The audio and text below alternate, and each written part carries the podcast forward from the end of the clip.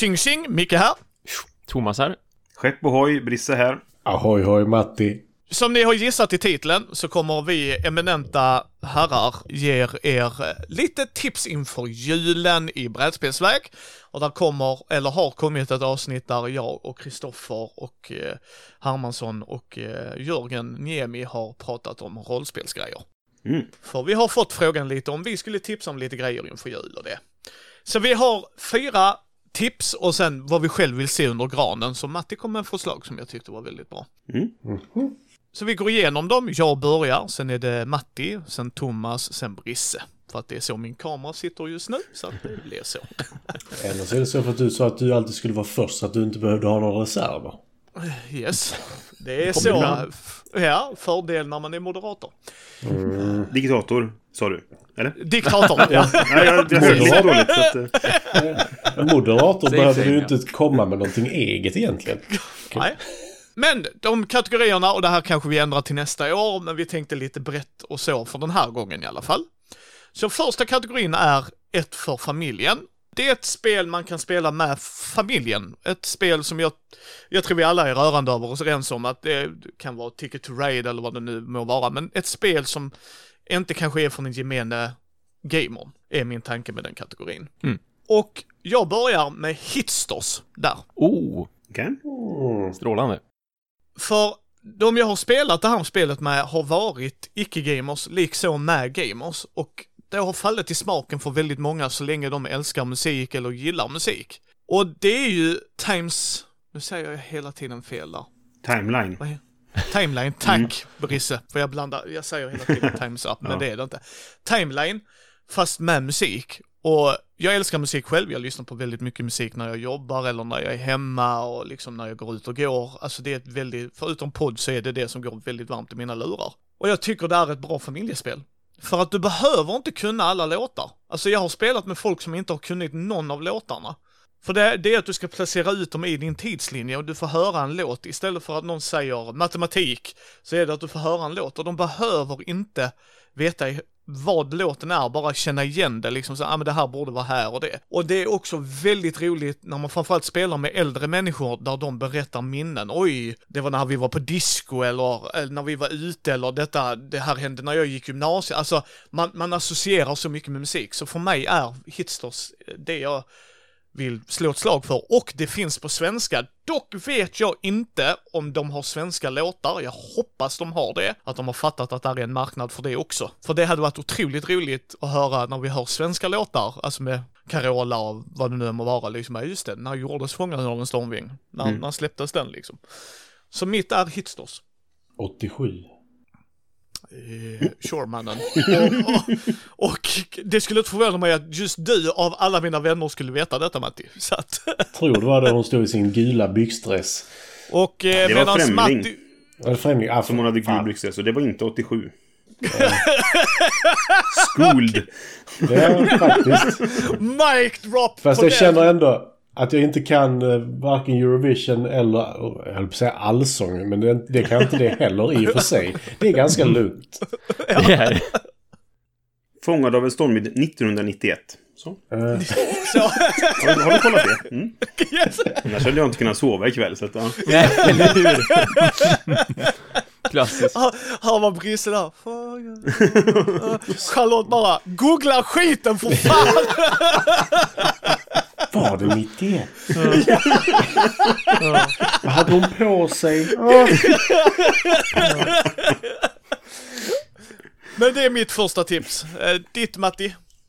Eh, som sagt, jag har skrivit några olika på varje. Men eh, för familjen så tänkte jag faktiskt vara lite sådär.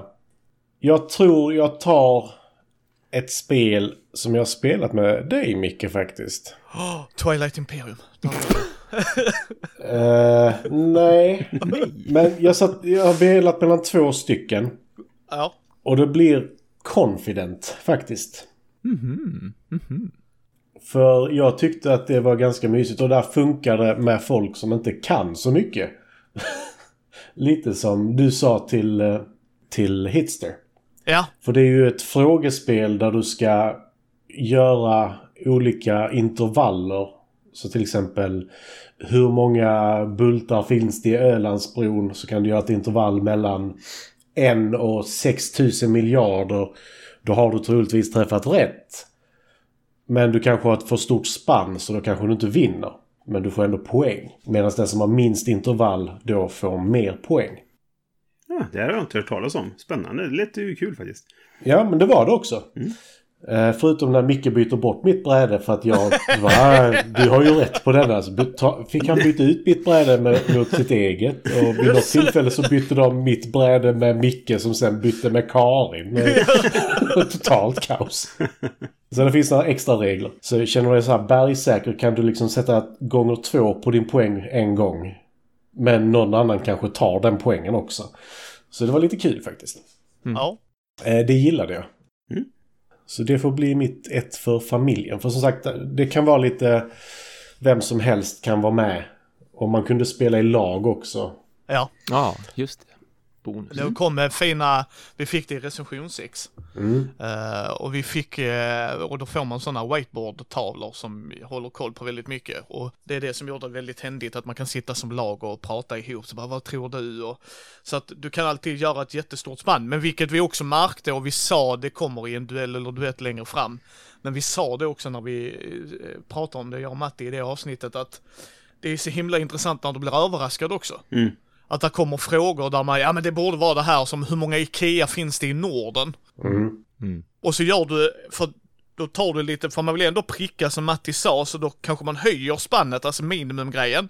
Mm. Och då var det tre pers av fem som bara, nope. Det är, det är liksom alldeles, alltså maxtaket var alldeles för lågt. Mm. Alltså, eller för högt, eller alltså man bara wow, alltså så lär man sig någonting. Ja, det var sjukt spännande. Mm. Så det håller jag med om. Det är ett bra spel. Finns på svenska. Ja, och jag blev positivt överraskad av det också. Det är, det är alltid kul liksom. Mm. Att det är en liten twist. Jag älskar ju quizspel liksom. Så det blir lite extra kul. Precis, och när de gör det med en knorr. Och alla kan vara med. Quizspel eh, föredrar jag alla dagar i veckan. Jag har fått med. Jaha, kan du sport Brisse? Jättebra, då kan Mm. du spela det här. Om du inte kan det då? Sucks to be you. Ja, nej men alltså det, det som gör det så bra är ju liksom att det skulle ju rent tekniskt kunna vara så att personer som inte kan någonting kan fortfarande vinna. Ja. För att de andra är så självsäkra men kanske har lite, lite fel så att deras det. spann är för litet. Ja. Så det, det, det blev kul faktiskt. Okej Thomas. Jag tänker nämna Karuba. Karuba. Det, det, det tycker jag är, det är ett bra spel. Det är ju några år på nacken. Jag tror det är säkert är sex år gammalt, kanske Är det sju. den med handörnar? Men vad sa du? Den med? Örnar som formar en hand? Nej, nej det är det inte. Nej, jag vet vilket Nej. du tänker på. Nej, det är utan... Kahuna hette det tror jag. Det, det här är Ah, Nej, men spel, exakt, alltså. exakt. Ja, visst, visst. Karuba, det är... Eh, varje spelare har ett spelbräde man ska lägga brickor på. Eh, man ska leta sig i, i, igenom eh, djungeln på ön Karuba och så ska man försöka ta sig till de templerna som finns på andra sidan. Så man, man börjar vid vattnet, man har just liksom gått i land då, och så ska man lägga ut brickor som bildar vägar, som om det vore Carcassonne med bara vägar. Men det som gör det så kul och intressant det är att till skillnad från Carcassonne där det är så här, jag drar en bricka, nu lägger jag ut den, och du drar en bricka från samma hög, du lägger ut den, och vi hoppas på lite, lite tur här helt enkelt, och, och så är det istället att alla har samma förutsättning, att det är en spelare som drar en bricka. Och så säger man att okej, nu fick jag bricka 17 här och det är en T-korsning och då letar alla andra spelare fram precis samma bricka, den T-korsningen, exakt den T-korsningen och sen får alla då placera på sitt eget bräde. Hur vill jag lägga den här? Vars vill jag lägga den någonstans? Och man har fyra stycken sådana här små meeples som då är expeditionsledare, så man har fyra stycken figurer som ska nå varsitt tempel, liksom den gula figuren ska gå till det gula templet, den blå figuren ska gå till det blåa templet, det är så här färgkoordinerat på det viset. Och det är ju ett race, att den som kommer först fram till ett av de här färgade templerna, eh, den får mer poäng än den som hittat i samma tempel som andra spelare eller tredje spelare eller fjärde spelare. Men längs med vägen dessutom, några av de här brickorna som man drar, de är bara vägar, en, en, en rak väg eller en T-korsning eller en, en korsning eller en sväng. Några är bara vägar, några har även diamanter på sig och då får man om man vill stanna på sådana brickor för att plocka upp de här diamanterna för att de i sig är också värda poäng. Så man kan även om du har lite otur kanske med vilka tempel du kommer till, hur snabbt du kommer fram till dem eller om du inte kommer fram alls så kan man ändå komma ikapp lite grann på att man väljer att istället för att bara springa förbi de här diamanterna och komma så långt man kan så snabbt som möjligt fram till templen så väljer man att stanna till liksom för att plocka upp de här diamanterna istället så att man kan få lite bonuspoäng på det viset. Och så det andra, det andra kluriga med det, det första kluriga och smarta, det är just det här med att alla har samma förutsättningar, sättningar, alla drar alltid samma bricka och sen får man placera ut den precis som man själv vill. Men istället för att placera ut en bricka så kan man vaska den istället, alltså bara slänga bort den, för det är så man förflyttar sina figurer. Om du drar en eh, eh raksträcka då får du gå två steg, för du får lika många steg som antalet ändar så att säga som vägen slutar på. Om du drar en trekorsning så är det ju då tre stycken Eh, delar av vägen, tre stycken ändar eller början på vägen. Om du drar en korsning så får du gå fyra steg alltså, så att antingen om du drar en korsning, visst den är jättebra att använda för att den är väldigt flexibel som en bricka. Du kan bygga väldigt mycket med den. Det är väldigt enkelt att få dina expeditionsmedlemmar att gå åt rätt håll så att säga. Men å andra sidan, om du slänger den brickan så kan du alltså välja en av dina medlemmar ska gå fyra steg och då tar man ju sig äntligen faktiskt framåt någonstans. Så det är så här, valet och kvalet. Ska jag använda den här T-korsningen för att få det lättare att ta mig framåt eller ska jag använda T-korsningen för att jag ska kunna gå tre steg istället. Så här, superenkla regler, går rätt snabbt att spela, typ Carcassonne-tid, liksom 30-40 minuter kanske. Och så just att alla har samma förutsättningar är så kul och att man har den här valet och kvalet grejen. Ska jag lägga den här brickan? Hur ser det ut på mitt pussel, liksom i mitt, mitt spelbräde? Hur tar jag mig fram till templarna? Hur snabbt kan jag ta mig fram till templarna? Ska jag slänga brickan för att jag ska faktiskt få flytta mina, mina tempelmedlemmar för att det spelar ingen roll om jag bygger perfekta vägar fram till templerna om jag inte kan förflytta mig också. Rent tematiskt lät det väldigt fruktansvärt. För det jag tänker mig är att det är, du är expeditionsledare. Men det är ju någon annan som liksom hugger sig fram i djungeln. Ja, ja. Och sen så säger du Nej, du väntar på mig. Jag kommer nu. Och så går du istället för att de ska hugga lite. Så, nej, kom igen nu får du vänta på mig igen. ja, det är det Thomas är, mellanchef. Det är hela grejen. Ja, ja, ja. Precis. Vi ser du sitter där bak och dricker te. Okej, Brisseman. Mm. Jag tänkte tipsa om ett spel som heter Draftosaurus. Mm, ja. Som jag tycker är väldigt kul att spela och passar ja, hela familjen egentligen. Kanske inte de allra minsta barnen, men, men eh, gamla som mellangamla och unga liksom. Eh, det är ju ett spel där man helt enkelt har, eh, alla spelare får liksom en liten man, det finns inte med några påsar, men man kan ha en liten skål eller man har dem i handen bara eller vad man vill. Liksom. Så vi brukar köra med någon mugg eller någonting. Så har man ett, ett, ett antal dinosaurier i den och sen så varje runda så tar man en och så skickar man vidare. Eh, och så måste den placeras då på din lilla spelplan. Som är ditt eh, ja, dinosaurie... Eh, din, din Jurassic Park helt enkelt. Eh, och du får poäng för olika uppsättningar då. Att i vissa ska det vara typ eh, alla ska vara samma färg. Eller här ska det alla vara olika färg. Eh, och de här de har ju både färgen och formen på de olika dinosaurierna är, är olika liksom. Eh, så det finns lite scoring-grejer då. Men du får inte riktigt placera fritt då. För den vars tur det är, den slår en tärning. Eh, som visar att eh, här, ska, här ska ni sätta ut. Jag får sätta vart jag vill, men ni måste följa tärningen då. Eh, och då kan det vara lite så här antingen på den här sidan om en flod eller den andra sidan eller i skogen eller på ja, lite så olika. Så man, man är inte helt fri att sätta vart man vill och det är det som gör att det, man inte bara liksom maxar poängen hela tiden. Alltså det blir svårigheten om man säger. Eh, och jag tycker att det här funkat jättebra när vi spelat med, med familj och sådär. Eh, för att alla fattar det och det är enkelt och det är lite gulliga dinosaurier-meeples liksom sådär som gör det lite skojigt. Mm. Mm. Det har vi spelat på Mindy Streamer faktiskt. Ja, yep. kul. Så om man vill se det spela så kan ni titta där. Lite reklam för det. Yep. Yes. uh, det var Amanda som valde det spelet har jag för mig. Mm. För okay. hin gillar det spelet väldigt mycket. Mm. Ja, det blev en drafting. Vi spelade två draftingspel till efter det tror jag. Yep. Oj, så ja. ja, men, men Draftosaurus, det är väldigt roligt. Mm. mm. Absolut. Ett... Eh...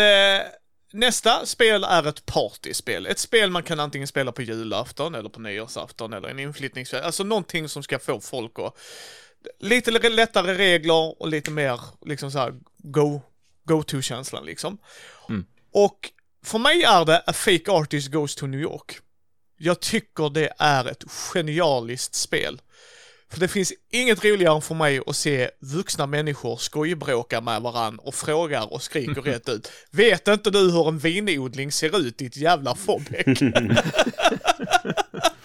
Väldigt Och- skånskt dock med Fobbeck. Men... Yes.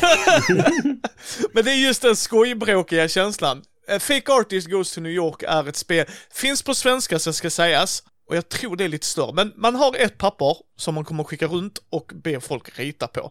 Och vad de ska rita då är att eh, en har då valt en kategori, personen är inte med och ritar, så då kan jag säga eh, fordon och sen så kan jag skriva bil. Och då ska man ge brickor till folk som de vet, förutom en. En får ett kryss. Den personen har ingen aning om vad det är den ska rita. Och så skickar man då ett papper, ett papper alla delar på. Där sätter de ett streck och ett streck här är mycket enkelt. Från det du sätter ner pennan till att du lyfter den. Så du kan rita hela bilen om du hade velat så länge du inte lyfter den. Och sen så får alla rita två gånger. Det är också en skön grej med det här spelet. Två streck, that's it. Vi ska inte göra längre processer av det här ändå, utan pang. Efter det andra strecket har dragits så ska man då eh, tillsammans, eller alla, ska rösta på den de tror är the fake artist. Gissar de rätt, vi säger att det är Matti som inte har en aning om att vi misstänker att Matti har ingen aning om att vi börjar rita en bil. Och då pekar alla på Matti. Då får Matti en chans på sig att gissa vad det är de andra har ritat. Och det är där kickon kommer in. Du vill inte göra det för uppenbart, för då förlorar man ändå. Så man vill vara obskyr, vilket är sjukt roligt när alla gör obskyra grejer. och man måste så här, nu ska vi se här. Och, och grejen är att alla får e- en färgpenna så att man ser vem som har ritat vad, vilket också är jävligt bra. Och då kan jag se liksom, fan Brisse ritade ju ändå ratten där, okej det är en ratt, alltså att man får det lite tänket. Och sen så bara byter man vem som ger kategori och vad det är som ska ritas. Och jag har inte mött någon som inte gillar det. För det är verkligen bjuder in till kreativitet. En grej jag älskar är att det inte är fasta som i många andra partyspel att bil, fordon, alltså så, utan vi väljer helt fritt. Så att det kan vara en grej man har pratat under festens gång. Alltså verkligen mycket, alltså det, det, det är så fritt det spelet. Så att mitt är Fake Artist Goes to New York. Ja, det är ett väldigt kul spel.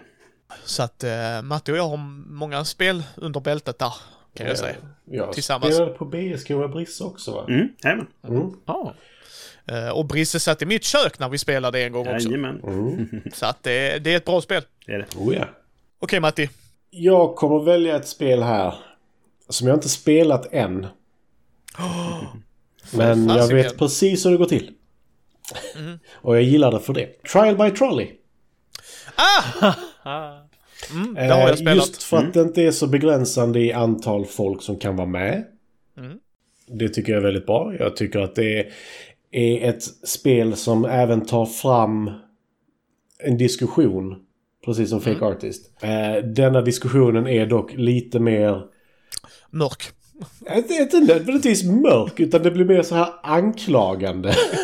på ett sätt som är lite hårdare. För i Trial by Trolley så är det det här gamla, vad heter det, the trolley problem. Att du står vid en ett spårvägs eh, så här växel. På ena spåret så ligger det två personer, på det andra spåret ligger det en person. Eh, det är grundproblemet. Om du drar i spaken så dör det en person och två stycken överlever. Men om du inte gör någonting så dör, dör två personer. Men då har du aktivt dödat en person. Bla bla bla. I Trial by Trolley så lägger de till ganska många mer Eh, varianter om vi säger så. Det är dels att du lägger ut då inte bara en person utan ibland kan det vara liksom så här. Du dödar alla fiskar i hela, eller på hela jorden. Du skapar en AI som du vet kommer döda mänskligheten. Det kan vara två olika spår. Eller eh, så finns det goda saker också liksom att eh, du eh, dödar Hitler, ja, goda saker. Alltså lite sådär. Men det, det finns massa olika saker. Och det finns då dessutom att du kan lägga till små eh, vad heter det, eh, ad hoc-grejer eller kaviater på de här.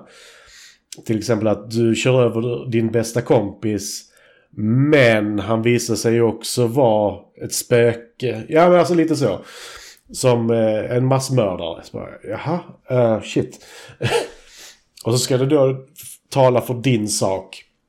Och grejen med detta är att du vinner fortfarande själv. För du byter lag konstant så lagen är liksom rullande. Så det är alltid en person som väljer eller en person som väljer ena spåret och en person som väljer andra spåret. Men det flyttas liksom ett steg hela tiden. Och man spelar grejer på den andra spår. De grejerna Matti sa, du spelar goda grejer på ditt spår. Jag har ju spelat detta med Fredde. Eh, mm. Du spelar de goda grejerna på mitt spår, så jag kan säga, nej men alltså kör du, väljer du mitt spår Thomas så dör Brisse. Mm. Brisse är en god person och det.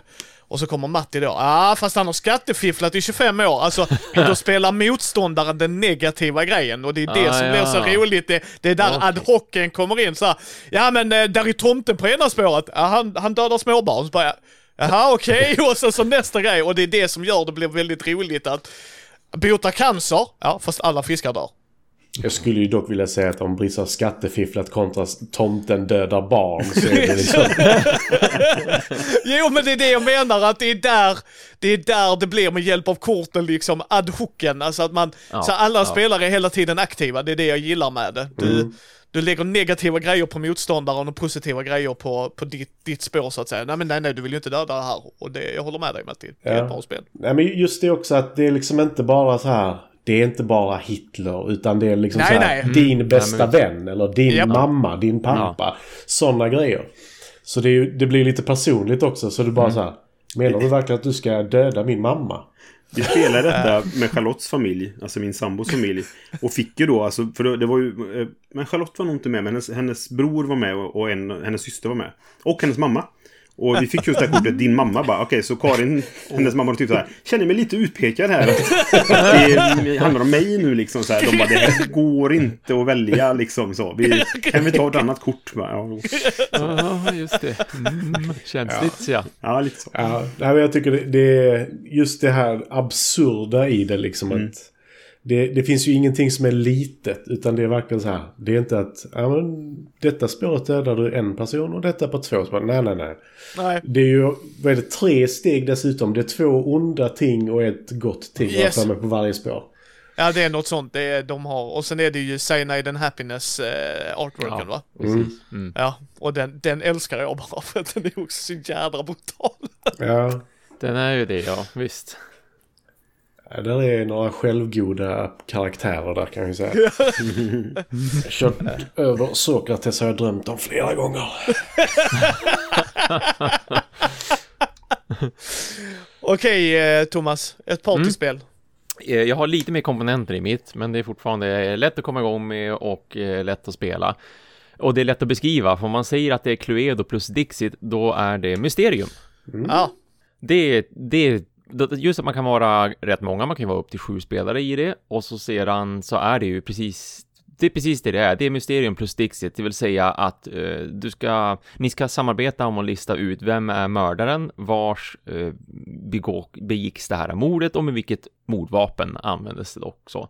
Eh, med den här roliga twisten att det är en av de som spelar som är mördad. Dessutom så man har kommit tillbaka som ett spöke för att man ska få någon slags återupprättelse. Men man får inte prata för att man är ju ett spöke, förstås. Utan man måste försöka förmedla vem det är bland de här olika misstänkta och i vilket rum det skedde av de här olika rummen och med vilket vapen det skedde av de här olika objekten och, och försöka förmedla det genom att spela ut väldigt kryptiska om en otroligt läckra bilder, precis som med, med Dixit-spelet. Så här, har man spelat det så då, då kan man, då får man ha en bild framför sig av vad det är för typ av illustrationer som vi pratar om. Ehm, så att den, spel, den ena spelaren har ett facit framför sig eh, och ska försöka få de andra spelarna att peka ut rätt misstänkt och rätt plats och, och rätt objekt helt enkelt. Om man har en, en tidsbegränsning på att få göra det här, att man ska spela si så många spelrundor, för sen så eh, slår klockan, vad är det, är det morgon eller om det är midnatt? Jag antar att det, det borde börja på midnatt snarare. Jag för det, det är morgon, ja. Ja, det, ja, eller hur? Att man, man måste bli färdig innan morgonen, så här sju på morgonen eller vad det är. För att sen så försvinner den här spöktimmen och alltihopa och, och, och alla medier som spelarna då är, de tappar kontakten med spöket. Så har man inte hunnit lösa det här innan den sista spelrundan, då har man torskat helt enkelt. Då förlorar alla spelarna gemensamt och målet är alltså att man, man samarbetar tillsammans med spöket och ska försöka peka ut vem det var i vilket rum med, med vilket vapen. Eh, absolut roligast ju fler man är eh, såklart, för att ja, det är som kul diskussioner som sker och alla är som engagerade hela tiden. Jag är ju inte bara engagerad över mina egna bilder som jag har fått tilldelade till mig som jag ska gissa på, utan jag är ju som sagt absolut engagerad i vad de andra gör för någonting också. Det är liksom den stora enkla kontentan av det hela. Sen finns det ju lite små regler och så här att man kan eh, gå in på, men, men det, det brukar ta sån tid, så, så där förklarar jag alltid spelet för kunder i butiken också och då brukar de bli hooked på det. Mm. Ja, det är ett jättebra spel. Jag föredrar det jättemycket mer än Dixit. För det finns ett mål med spelet och det tycker Absolut. jag inte det gör med Dixit. Eh, och jag håller inte med. Jag föredrar Dixit alla dagar i veckan. Oh, Alla dagar i veckan. Mysterium för mig är så tråkigt. För Okej. att det är, även om där är ett tydligt mål, så tar det alldeles för lång tid för vad det ger mig och Dixit är ett snabbare spel för mig. Ja, men de, de fungerar ju väldigt olika också Oh, ja. egentligen. För att det, ja. Mysterium är ju verkligen... Alltså, du, du försöker guida dem. Och den som, ger, den som är spöket får ju inte säga ett ord. nej, Utan nej, det är verkligen helt tyst. Ge dem en till två bilder är det väl. Mm, Och du kan ge dig fan på att varje gång de har tagit fel så tänker de Men jag fick denna förra gången och det var inte den. Då måste ju den ha... Spöket ha tänkt så här och då har ju spöket ändrat sin tankegång för att anpassa den efter den andra spelaren. mm, Och det är så varje gång. Så det, jag tycker det är skitkul. Ja, det är ett snyggt spel, bra designat. Eh, Det är, bara Väldigt, det, att, väldigt. eh, det är bara det att jag inte alls dras till det. För att det, det är också att det är för många spelare för mig. Ja, just det. jag skulle aldrig spelat det på full grupp. Alltså jag hade fått tupjuck som spöke. Eh, Jo, jo, får man tänka. Ja, men det är det. Och, eh, men sen så älskar jag komponenterna. Jag gillar Mm. definitivt vad de har gjort med spelledarskärmen och det. Så det är ett Ja. bra spel. Det är bara Mm. det att för mig är Dixit bättre på så många andra nivåer. Eh, men, men det är fortfarande ett bra spel. Och jag spelar hellre det än Cluedo. Alla dagar i veckan. Ja, ja, ja. Mm, eller hur? Alla dagar i veckan. Där är någon som har tittat på Cluedo och så tänkt hur kan vi göra det här mer interaktivt? Och det är Mm, mm, rätt. Och sen illustrationerna är fantastiska, komponenterna är fantastiska, det är ett bra spel. Men det är bara så här. Eh, nej. men sjukt, sjukt, nej men det är ett bra partyspel, det är det. Ja, ja. Eh, och som Thomas sa, det engagerar alla. För det är ett Mm. samarbetsspel. Det är inte att jag ska, som Cluedo har, alltså som det, Cluedo Nej, precis, det är jag mot spelet. Ja. Eh, Utan det, när Brisse har löst sin gåta så kan han börja fokusera och hjälpa oss andra, vilket jag faktiskt är en sån fantastisk del i det. Ja, för det, det är en så konstig... Det är en lite konstig grej i det tycker jag dock att varje spelare har ju en mördare, en plats och ett Precis, vapen. en uppsättning. Och sen i slutet av spelet då väljer spöket ut en av dem och Ja. ger bilder utifrån det. Beroende på hur många... Eller hur tidigt du kommer i mål får du fler bilder. Ja. Ja. Och det... Jag tycker det är skitkul. Det... Det har jag spelat många gånger. Det är ett sånt spel som eh, Christian har köpt och plockat fram lite då och då. Det är, det är mysigt tycker jag. Ja, det, det är det. Det kan jag hålla med om. Till mångt och mycket, även om inte jag dras till det. Okej Brisse, vad är ett partyspel för Brisse? Ja, här hade jag ju från början skrivit ner Hitster, men jag insåg ju redan när jag gjorde listan att, att Micke kommer ha med det på sin lista. Så att jag skrev in ett annat istället och strök det helt enkelt. Eh, så jag ska nämna ett spel som heter Mantis. Eh, som handlar då om mantisräkor som är ett av mina favoritdjur. Vilket var en anledning till att jag tyckte att jag var nyfiken på det här spelet. Och det är ett supersimpelt kortspel. Men just därför så passar det väldigt bra. Det är här också sånt man kan spela med alla. Här kan nog till och med de lite yngre barnen. Min min dotter hon, hon har inte testat det men hon skulle kunna spela det antagligen. För det handlar bara om färger. Du behöver kunna räkna poäng eventuellt och lite taktiskt tänkande och sådär. Men, men vad det är att, att du har en, en kortlek som har eh, nu minns jag inte för nu var det ett tag sedan jag spelade. Men jag tror det är sex eller sju olika färger. Sju har jag det var. Sju, ja, på räkorna. Och på baksidan av korten så är det, visar det vad det är för färg på framsidan. Men det är tre färger. Så att om det är ett rosa kort, då är det på baksidan till exempel rosa, grön och gul. Så vet du att det här är rosa, grönt eller gult liksom. Och så får alla varsitt kort, eh, eller tre, tre kort var från början tror jag det är. Eh, Och på din tur så kan du välja att antingen spela framför någon annan eller framför dig själv beroende på vad som ligger överst och vilken färg det är överst. Om du väljer, vänder kortet framför dig själv och det matchar en av dina färger du har redan, då tar du alla de korten i den färgen och så lägger du undan dem. Då har du skårat dem. Eh, om du vänder upp hos någon annan och matchar en färg som de har, så eh, tar du alla korten i den färgen och lägger framför dig själv istället. Eh, och ifall du inte matchar, då lägger du bara kortet där helt enkelt. Så det kan hända att om det var fel färg så gav du kortet till någon annan helt enkelt. Eller så fick du ett kort framför dig själv som inte du hade någon nytta av liksom. Eller byggde på en, en så. Det, jag vet inte, jag kommer inte ihåg ifall det finns en, en, att du måste ha en visst antal i en färg för att den ska scoras. Men, men eh, Nej, det är det inte. det är inte så, nej. Nej. Ehm, nej och, och det, det, det är egentligen alla reglerna. Sådär. Och så är det försten till 15 kanske, något sånt. Mm. Och enkelheten i det och att liksom vem som helst kan spela gör att det passar nästan i alla sammanhang. Så att man kan spela en, en snabb omgång medan man eh, väntar på att, att någonting ska bli färdigt. Eh, man, eller liksom på julafton så att några gör det och några gör något annat. Liksom så här. Eller eh, om man är på en fest eh, där det kanske är, är mer partystämning så, här, så kan några spela detta och de andra dansa. Eller vad fan som helst. Liksom så där. Eh, så det, det passar liksom när som helst och är väldigt enkelt och, och, och kräver inte så mycket tankearbete. Så att det, det funkar i vilken situation som helst mer eller mindre. Och dessutom så är det lite det här stämningen som man kanske kan få när man... Jag är ju inte så mycket för spel som sabbar för varandra. Men här funkar det och det passar liksom stämningen som är i spelet. Det är snabbt och enkelt och man bryr sig inte så mycket. Och då kan man liksom...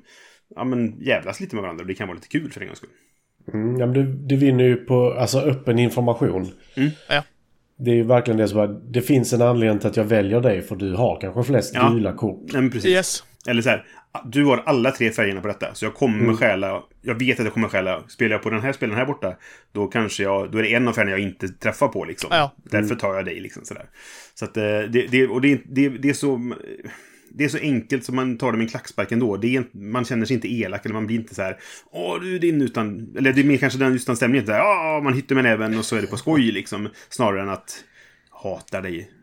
Passar dig när du går och lägger dig sen liksom. Eh, sådär. Som det kan bli efter diplomacy till exempel. Ja, mm, absolut. Inte julspelet nummer ett kanske.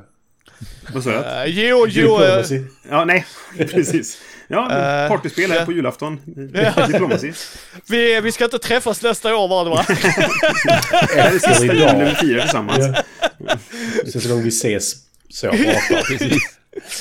Uh, Matti och jag har spelat det på Mm. min inflyttningsfest 25-grej. Uh, vi var nog inte så övertjusta i det, men jag förstår definitivt tjusningen med det.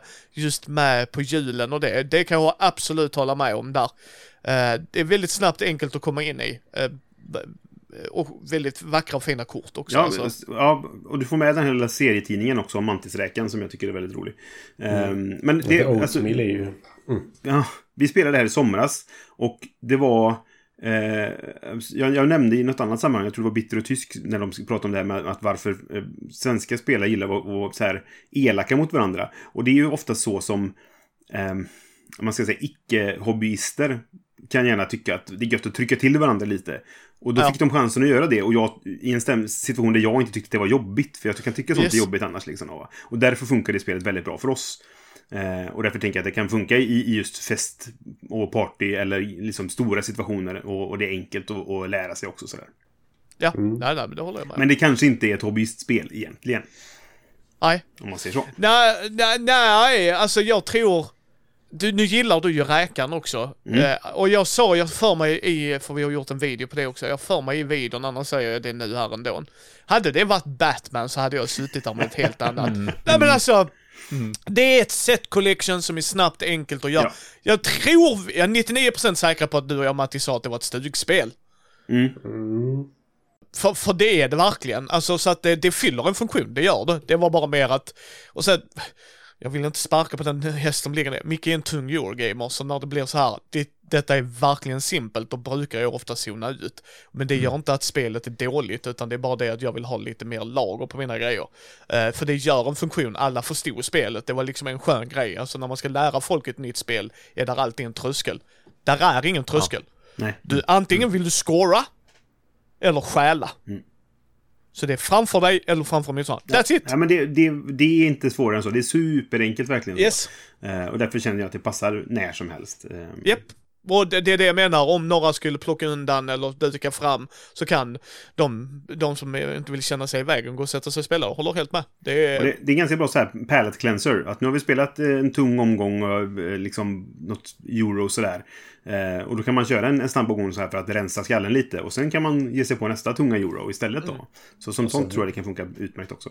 Får jag fira jul med dig Brisse? Vi spelar inga Eurospel på julen här. Nej, nej, det är inte det heller. Men eh, jag tänker i en situation där man inte inte fira jul. Som man gör 364 Matti? dagar om året annars liksom. Ja. Matti, i år blir det annorlunda. Nej, i år blir det Eurogame på jul, men det är... Yes, yes. Eurogame-jul, det låter ju Ja. fan. Jajamän. Eurojul. Eurojul. Ja, fy fan. Käka lite julmat, spela lite Eurogame, käka lite mer julmat, spela mer Eurogame. Ja, det är Ja, nice. du sa någonting där Är det på. Euroafton ni firar det då? Ja, julafton ja. Åh! Välkommen till Göteborg! Ja. Och, vad är, vad är Ameritrash-dagen? Är det nyårsdagen då? När alla är bakfulla Ja, ja. och vill bara rulla Ja, tärningar? Jag tror det är Thrash Giving som är nu. Ja! Åh, Dö, fy fan! Bott i Göteborg länge eller? Ja, absolut. Alltså det är den 24. Det är snart dags för trash... Eh, oh. Ja. Jobbigt. Nu etablerar vi detta. Det blir en bra jul. Ja, jag är lätt på. Åh. Ja, oh. Nu kommer vi till ett, ett lite tyngre spel. Och med ett lite tyngre spel menar jag inte bara nu kommer Eurogame, Mika, Mika har nämnt ett Eurogame, det behöver ni inte vara oroliga över. Men det är ett spel med lite mer regler. Det är lite mer komplext. Det kan vara det tyngsta du någonsin spelat, Mika har inte gått den vägen, utan där är lite mer att tänka på, lite mer rörliga delar. Det är det jag menar, så kan det vara ett Ameritrash Eurogame, kunde vara ett mer komplext partyspel också. Alltså, ett spel som inte du bara slänger framför familjen, bara go nuts. Nej. Mm. Liksom. Jag sitter och tuggar på bitarna efter ett tag. Jag har ingen aning. Och för mig är det, och, jag, och den här hade jag svårt med. Och vad skulle jag rekommendera folk? Liksom såhär, Mansion of Madness är jävligt nice, alltså som ett Mary Trash. Nej, men det är ett Eurogame. Ja, vilket Eurogame ska du då vara? Och då slog det mig. Orleans Ah. Nej, men se Där där. är ett sånt fantastiskt spel. Det är ett säckbyggarspel där du... Fantastiskt ful artwork. Eh, men men Ja. det passar temat. Alltså, alltså Mm, det, det, det, mm, om någon, mm. det ska vara så här medeltidsstuk och det känns som medeltidsstuk. Men who gives a shit, det kunde varit snyggare ändå kan jag tycka. Men skitsamma. Det är fantastiskt fult. Men det är funktionsdugligt. Det gör definitivt vad det ska göra. Det är väldigt pedagogiskt, vilket jag älskar. Men det handlar om att du ska få så mycket poäng som möjligt, da. du har en karta i mitten, men, och du ska rekrytera gubbar till din påse, medan du tar en gubbe och lägger till din påse och den har en brun, blå, gul färg eller vad det nu må vara, eh, så krävs det för att göra olika handlingar ute på spelplanen, så att det kan vara en handling som kräver en vit gubbe, en blå gubbe och en röd gubbe. Då behöver du placera ut dem, och du drar x antal gubbar beroende på hur många röda gubbar du har tagit, alltså att det är så massa, massa småsteg. Spelet i sig är inte superduper duper komplext, du kan lära dig det, men det är ett lager utöver ett familjespel, det är därför det ligger här. Mm. Och det är ett lager för det lite lättare spelet är fortfarande, som vi kommer in på senare, är ju också, som vi kanske tänker lite mer gameraktigt. Men detta är fortfarande, detta är inte introsteget in i Eurogames. Det är ett mer komplext spel, för där är så mycket du behöver tänka på. Jag måste titta vad Brisse väljer att göra på sin bricka. För försvinner gubbarna, så försvinner gubbarna. Jag kan inte göra den handlingen och då låser mina gubbar sig om jag inte får ut dem i tid. Vilka byggnader väljer Brisse att ta? För du kan ta byggnader och sätta på din sida som du får använda. Ja, då behöver jag ha koll på vad Brisse gör för strategi. Samtidigt behöver jag kolla på kartan eh, i Frankrike, Orléans utgår du ifrån, där du bygger handelsstationer och då åker du på en, längs en väg och då får du handelsgods med den vägen där du korsar. Ja, då måste jag kolla, var kommer Brisse kunna gå? Alltså, det är det jag menar, där är mycket lager på lager, men ett fantastiskt spel. Ett spel jag inte kommer sälja någonsin, för jag tycker det är Fred och jag brukar ta fram det ibland och småpilla med det. Det är, det är så mysigt och charmigt. Jävla table present ska sägas dock. Eh, Ja, det har då, Ja.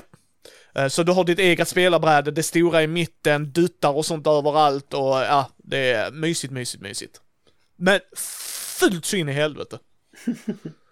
Ja men det är det. Alltså det är... Alltså jag, bara... Omslaget är gräsligt. Men jag tycker Yes. att i komponenterna, själva brickorna och sånt, de- har en stil som passar på något sätt tycker Ja, jag. ja, det, Pri, jag håller med dig. Eh, det, det passar, det är fortfarande fult, men det passar för de vill ju åt det här medeltids... Jag vill säga gobeläng heter det va? ja, ja, precis. Ja, och, och då funkar det. Och, och, och, och det är funktionsdugligt. Eller mer än funktionsdugligt, det är otroligt pedagogiskt tycker jag. Mm. För de kör mycket med symboler och färger. Så att Orleans, vill du prova något lite tyngre på, eh, eller ge det till någon du känner som spelar lite Eurogames eller spelar lite brädspel. Det här är ett spel jag tror ni kan ha väldigt kul med. Jag, jag tror detta kommer bli en liten modern klassiker faktiskt, för jag tycker den är så fucking fabulous. Mm. Du Okej, gjorde va? mitt val åt mig där. För jag hade ett skitsnyggt spel och ett som är ännu fulare. I alla fall Ännu fulare än... Åh ja! Grundutgåvan utav Castles of Burgundy Ja, ja! är för- tio gånger fulare än vad detta är kan jag säga. ja, ja, det är det. Ja. Och, ja, men Och- vilket väljer du? Jag väljer faktiskt det då. Ja, Castle Eh, för det andra har jag nämnt i en annan som dyker upp snart också. Eh, så jag väljer Castles of Burgundy som enligt mig är nog ett perfekt spel.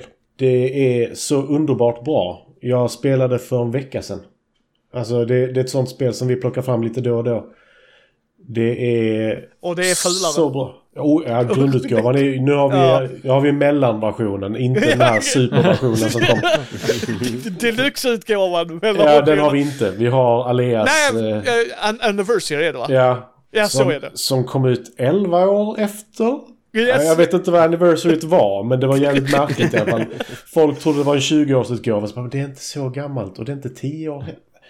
Okej. Ja. Eh, Men den versionen har vi i alla fall. Aleas eh, Anniversary Edition. Och den är snyggare. Oh, vad mycket snyggare den är. Men den är fortfarande inte snygg. Nej. Eh, Den är väldigt funktionsduglig som vi sagt tidigare. Mm. Ja, Men oh ja. i Castles of Burgundy så har du ditt grevskap som du ska bygga upp med lite slott och hus och farmar och vad är det mer? Där är Båt, små- båt. Båt, båt ja. Eh, Små skeppningar och munk... Eller temp... eh, Vad heter det? Eh, munktempel. Kloster, va? Kloster heter det. Eh, som du då ska bygga upp på det här, det här lilla brädet du har. Eh, och det är alltså... Det är så mysigt och det är... Allting är så tydligt och det är...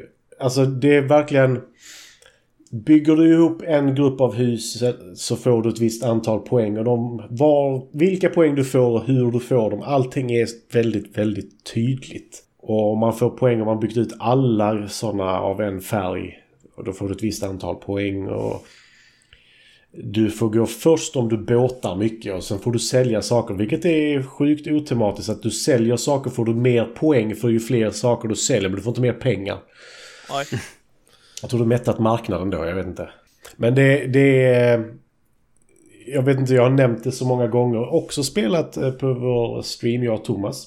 Definitivt den fulare varianten på streamen kan jag säga. Det är alltså, alltså Matti skojar inte. Det är ett av de fulaste jävla spelen. Ja, men det är Men också det är ett av så- de bästa. Ja, men det, det är det som gör att man sitter och lider, eller du lider inte, men och sen komponenterna, förlåt. Orleans, Grundutgåvan. Ja, Orleans har tjocka fina komponenter. Liksom. Mm. De är fina. Sen har jag ju, man kunde köpa av, vad heter de, DLP Games eller vad de heter, de i Tyskland så kunde du köpa, för det är språkoberoende. Eh, är mitt och, och Castle of Burgundy också, mer eller mindre. Så länge du bara vet vad byggnaderna gör och det kan du alltid ladda ner. Men de, de gubbarna har jag trägubbar, men även de duttarna du drar ur din påse i, eh, eller i eh, Orleans är tjocka och fina. I grundutgåvan och Castle of Burgundy så är allting tryckt kartong. Alltså det är så tunt, tunt skit. Så att det är skymf mot hur bra spelet är. Oh, Men man det sitter det. där, ja men liksom, men man spelar det ändå för det är ett sånt bra spel. Det var det jag ville förtydliga. Matti har helt rätt. Det är ett fantastiskt bra spel. Därför accepterar du de pissiga komponenterna. Ja, men alltså, problemet med det är liksom att färgerna i grundutgåvan går från kissgult till kissbrunt. yes. Eh, och det går ihop lite. Kan jag yes. säga. Eh, de har lagt till rött. Så du har lite problem med kisset i eh, den nya utgåvan. Eller grönt. Ja. Men det, är- alltså det är fortfarande ett sånt där. Jag köpte det för... Ja, då, då när den utgåvan kom ut. Så det är ett par år sedan. Och det spelas... Det är nog liksom... Det, det är inte favoritspelet men ett perfekt spel tycker jag faktiskt. Ja. Det är också en modern klassiker. Ja, det Oh, är ja. det. Absolut. Och sen så har det kommit den här superutgåvan där det finns eh, 3D-printade slott och... Jag vet inte, jag har tittat på den. Och det enda jag hade velat ha är expansionen som du får med. Du får med alla expansioner som kommit ut utom Vineyards heter den senaste. Som kommer till den här superversionen. Men jag saknar ingenting direkt från den utom formen som går över eh, det, ditt eh, spelbräde. Så att plupparna inte glider under. Det är det enda jag skulle sakna från den utgåvan faktiskt. Mm. Mm. För jag tycker det, den nya versionen är så pass mycket bättre att absolut den är mer än fullduglig. Och den kostar under 400 spänn och det är... Mm. Det är fantastiskt bra. Och upp till fyra spelare dock bara. Men man kan spela i lag. För det finns ju jättemånga olika sådana här grevskap du kan spela. Och det finns dubbla grevskap då som är för lagspel också. Mm. Så det kan jag varmt rekommendera. Och det är inte sådär supersvårt heller utan det är ett steg upp. Men det, det, det är taktiskt och strategiskt. Men det är inte supertungt rent spelmekaniskt. Nej, det är bara otroligt mycket rörliga delar. Eller Ja, otroligt mycket. Där är en hel del rörliga delar som gör att jag inte skulle säga att det är ett introspel, utan ett, ett steg över introspel. Mm. För där är mycket komponenter. Okej, Thomas. Är det Twilight nu som kommer upp igen? Twilight Imperium, nu Nej, kör Det är lite tyngre. Men det är lite tyngre så tänkte jag, jag skulle faktiskt, jag skulle hejda mig lite grann och faktiskt ta just lite tyngre bara. Jag hade tänkt ta någonting som var betydligt tyngre först. Space Core 1889. Ja, precis. Men, som, 99. Ja, men det det, bra. faktiskt, det skulle kunna nämnas här ändå, för det är ju, det är inte så tungt egentligen. Det är ett ganska lättsamt spel, så det skulle jag absolut kunna nämna. Men jag tänkte jag skulle vara ändå roligare och mer originell än så med tanke på hur mycket jag har nämnt i spelet tidigare. Men jag tänker hålla mig fast vid science fiction, tänka sig, och vara kvar i rymden. Och det är ett spel som jag och Matti har streamat, även detta. Beyond the Sun. Ah, okej. Det Det- är också ett sådär... Inte så fantastiskt att titta på men... Nej, Oh my god vad kul det är. Precis, nej.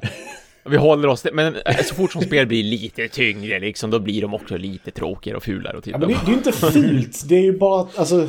Nej, det, det är tomt. om Ja, ja absolut. Det är väldigt avskalat och speciellt för 700 kronor för det ligger väldigt högt i pris tycker jag. Väldigt högt i pris. Sen är det ju en otrolig vikt i den lådan ändå, det ska sägas. Så att det, det, det är de här dubbel, de här tjocka, eh, vad heter det, double layer brädorna som gör det garanterat. Och så har alla tärningar och alla kort och allting. Ja men det, det här, det här, jag minns när jag spelade det första gången just på streamen, jag vart så himla tagen av hur, hur pass bra det var, för jag var som intresserad av det även innan.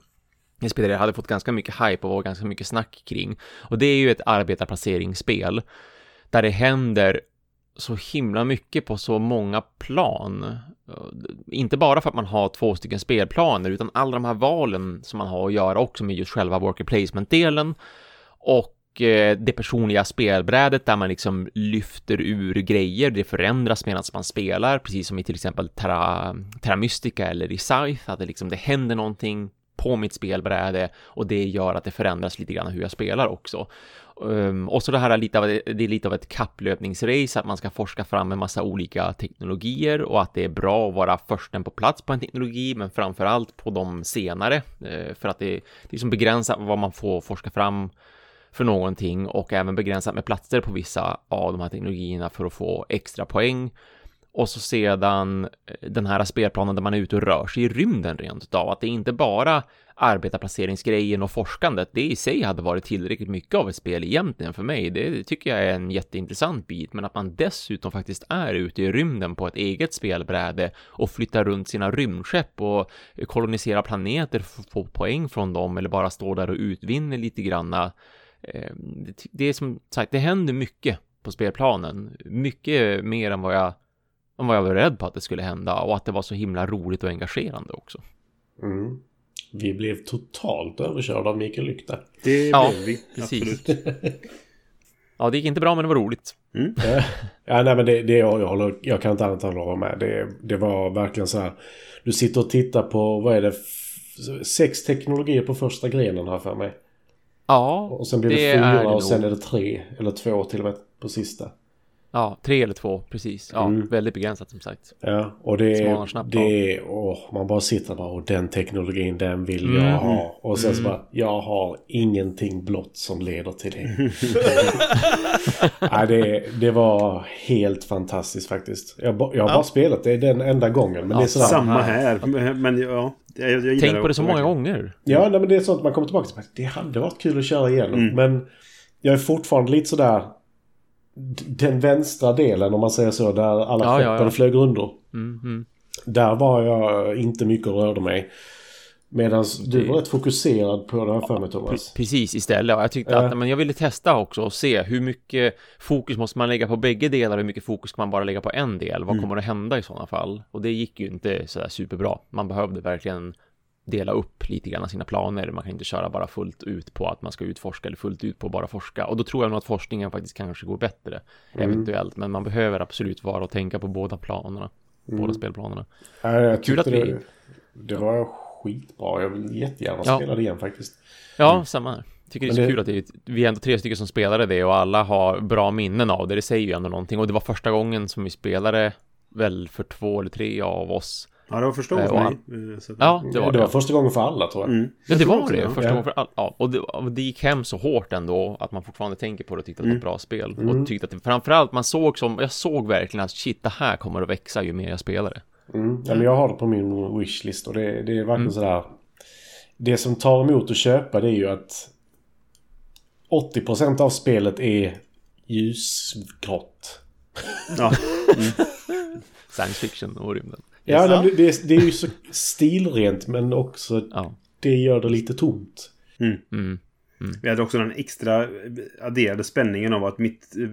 Jag hade inte min laddare hemma så vi var tvungna att spela innan min dator skulle dö. Just det, vi hade så han fick jag stänga av min kamera för att spara ström. Ja, just det, det Han stängde av successivt fler och fler ja, saker. Du stängde av ljuset så det blev mörkare i rummet. Ja. Okej, nu stänger av kameran. Okej, nu, nu får vi avsluta snart. Tematiskt häftigt ändå, som om du hade suttit i en rymdkapsel och bara stängt av en massa system för att du ska överleva för att syret är det viktiga exakt, exakt. Ja, det, det, det, var riktigt bra. Mm. Mm. Okej, Nu måste man... du ha ett fult spel, Brisse. Ja, för då har vi tagit tre fula spel. Aj, aj, aj, aj. Ja, mm. nej, det har jag ju inte. Jag har ju Dune Imperium. Ah, mm. Jag kan gå med på det. Det är ganska... Vilket inte är jättesnyggt, men det är okej okay, liksom. Så. Mycket eh, sand. Det är mycket sand i det. Mycket, mycket beige eh, och mm. gul, gulgrått sådär. Ja, precis. Eh, men det här är ju ett superbra spel verkligen. Eh, som, som jag... Det dröjde väldigt länge innan jag spelade. Eh, för att, ja men det, det klassiska då att jag måste spela recensionsspel och det låg på hyllan jättelänge. Jag ägde flera år, höll på att säga. När, när kom det? 2020? Jag mm. köpte det när det var nytt liksom. Och så har det stått på hyllan liksom sådär. Eh, och jag köpte det till, till min kompis Johan då eh, i julklapp förra året. Och han spelade och älskade det. Så bara, okay, jag måste ju spela det här nu. Och så spelade jag det och så är det bara Mwah, chefskiss. Ja. Så bra spel. Det är ju bland, liksom en blandning mellan lekbyggande och arbetarplacerande kan man säga. Eh, där man helt enkelt, du, du har en, en spelplan där du har olika eh, områden. Man kan göra olika saker genom att sätta dit en gubbe. Men du måste då spela ett kort då som matchar det området för att få spela där. Eh, och de korten kan också ha andra effekter. Så när man bygger leken så måste man tänka på dels att få symbolerna som gör att du kommer kunna ställa din arbetare där du vill ställa den senare. Men även ge dig E- effekter som du vill ha.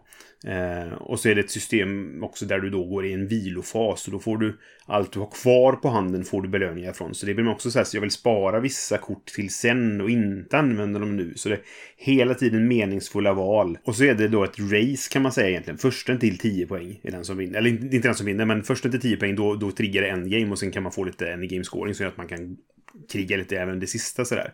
Och det är ett väldigt, eh, alltså interaktivt spel. Man, eller så, man, man interagerar väldigt mycket med varandra på ett sätt som jag inte alltid är, är, är, min typ av spel. Men här funkar det väldigt bra. Jag vet att det är det här jag ger mig in på. Vi kommer kriga med varandra, vi kommer jävlas, spela kort så att det bara haha, jag vann striden som du trodde du skulle ta hem enkelt och så här liksom. Va? Eh, och nej, fantastiskt spel verkligen. Och lagom svårt skulle jag tro också. Eh, man ska tänka på den här kategorin då liksom. Mm. Jag har första expansionen också. Jag är jättesugen på den andra. Jag, jag har inte Men, spelat på någon expansion. Jag, jag, jag, eftersom jag är nykter expansionist då, så försöker jag undvika att köpa saker som jag inte vet om jag kommer att använda. Liksom. Ja, Men, äh, jag, jag, är sugen på dem också för att det, det är ett jättebra spel. Så. Ja, för det jag, det jag upplevde i grundspelet var att Solari blev ointressant efter halva spelet ungefär. Mm. Det har ja, de löst. När, när, du har betalt för din extra gubbe och för din seat i the council eller vad det heter. Mm. Då har du inte så mycket användning för den, nej. Nej, det har de löst i mm. den ja, expansionen. Men bra. Då kanske mm. den första expansionen i alla fall är något jag borde skaffa. Mm. Ja, men som sagt, eh, om du är nere här så... Eller om jag åker upp så... Kan, Ja. få, kan jag ta med Får expansionen? du DM, så du får expansionen för mig? Ja. Nej men för det, det löste det för jag kände Mm. när jag spelade, men jag gör inte med Solari. Nej men precis, vi har haft gånger där jag har haft en väldigt bra Solari-inkomst. Om man säger Mm. så utifrån mina kort och sånt. Och så bara, fast vad ska jag göra med det? Det ligger bara på Ja. hög liksom sådär. Ja. Mm. Nej absolut och sen så mitt enda problem med det spelet är att det är ett trespelarspel. Det står att det går att spela på en, på två, men då har du en eller två bottar. Så det Mm. är ett trespelarspel i Mm. grund och botten och det är bäst på tre eller fyra. Just det. Ja, nej men visst. Det, jag har nog inte spelat det på färre, så att eh, det, det, det kan jag köpa absolut. Så det Men det- spelar vi på jul, Matti. Ja, det kan vi absolut göra. Och det, det är ju, alltså det finns ju både eh, Hag, Hagal Cards, tror jag de heter, i spelet. Och sen så, eller House Hagal heter de nu. Ja, Och solo, finns- eh, eller ja. det är en botten, ja precis. Ja, och sen så finns det då en bot som är en app också. Och den är superbra. Ah, okej. Mm. Eh, alltså det, det funkar jättebra. Det är inte det att jag inte tycker att det är bra utan det är verkligen bara det. Det är ett trespelarspel. Ja. För eh, det som inte finns med i Hagal-korten det är att du rensar aldrig köphögen av kort i grundspelet. De har lagt till det i Hagal-korten till expansionen och det finns i appen till grundspelet. Men annars är det svårt att få rensat den om det är dåligt på köpkorten Okej. i eh, grundspelet. Ja, ja. Men eh, jättebra spel. Ja. ja, det är det. Nu kommer vi till kategorin ett litet lättare spel och den är ju, ja, det är fortfarande inte ett familjespel utan lite mer intro, intro plus. Alltså någonting som ska vara lätt att ta åt sig någorlunda. Liksom, och då tänkte jag på Endeavor Age of Sail. Jag tycker att i sin renhet, för det är väldigt, jag har spelat det med folk, du väljer, det går ut på att man har en karta över Europa framför sig och olika länder, nationer, eh, alltså typ Indien, eh, Afrika, alltså runt, runt i kanterna. Och på din runda, alla, eller alla börjar med att bygga en byggnad. Kolla hur mycket tegel du har, bygga en byggnad. That's it. Du gör det. Pang, tjoff. Uh, sen ska du välja och aktivera dina byggnader. Först väljer du hur mycket, först kollar man hur många uh, disks man får, alltså gubbar. Och sen så ska man aktivera sina byggnader. Och de kan säga allt ifrån köp, eh, gå ut, ta kort liksom, ut och utforska. Men det är väldigt, väldigt öppet. Där är inga dolda saker och är man lite osäker kan man fråga bordsgrannen om de har spelat lite mer. Alltså för mig är det ett sånt stilrent spel. Sen är där en taktik som säger ta tegel det första du gör. Den jädra tegelbyggnaden som ger dig tegel, för annars kommer du hamna på efterkälken. Så är det. Eh, och den är lite så här, eh, expansionen fixar det lite så. Eh, Men, men, men där är ju det. Men utöver det så tycker jag det är ett fenomenalt spel. Och här är det som Brisse pratade lite om räkspelet.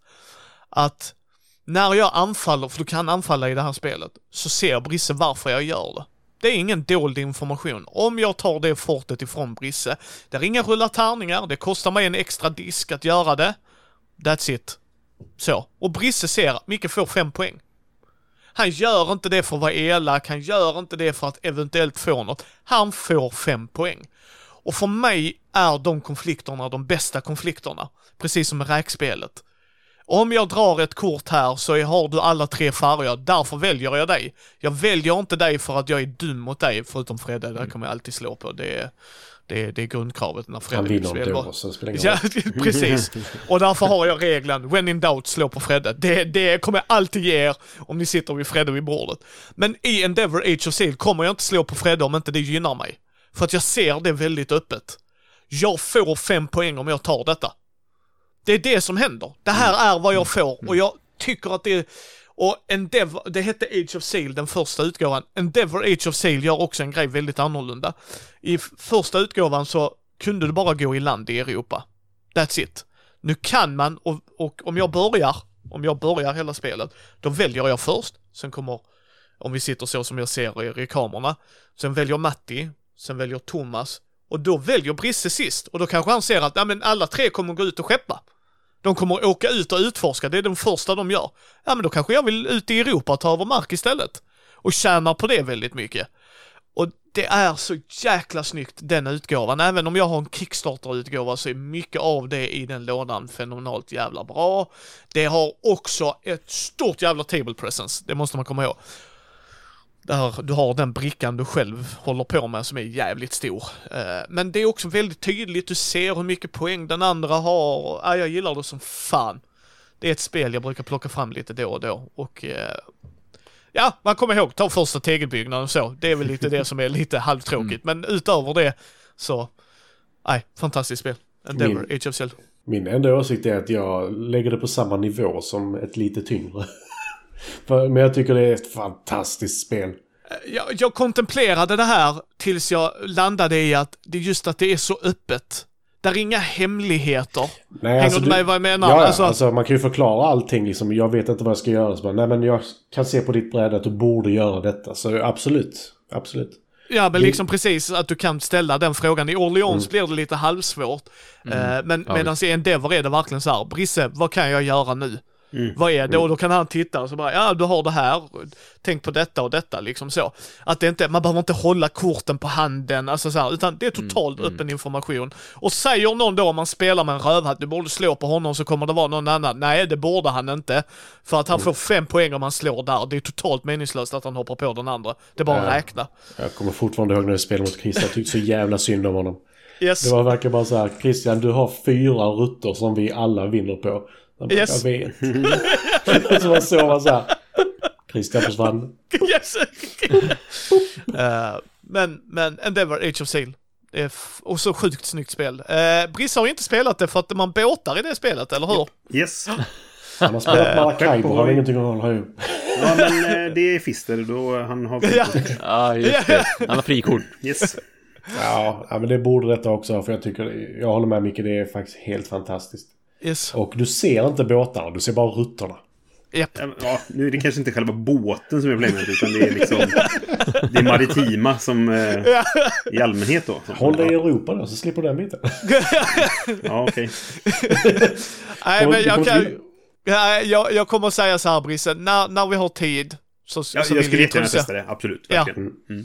För det, Ja. det, jag tror du hade uppskattat mekaniken bakom. Det tror jag också egentligen. Men, eh, Uh, Okej Matti. Äh, Mitt spel är mycket, mycket lättare.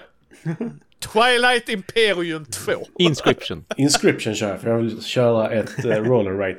Nej, eh, Whirling Witchcraft tänkte jag faktiskt. Oj, vad kul!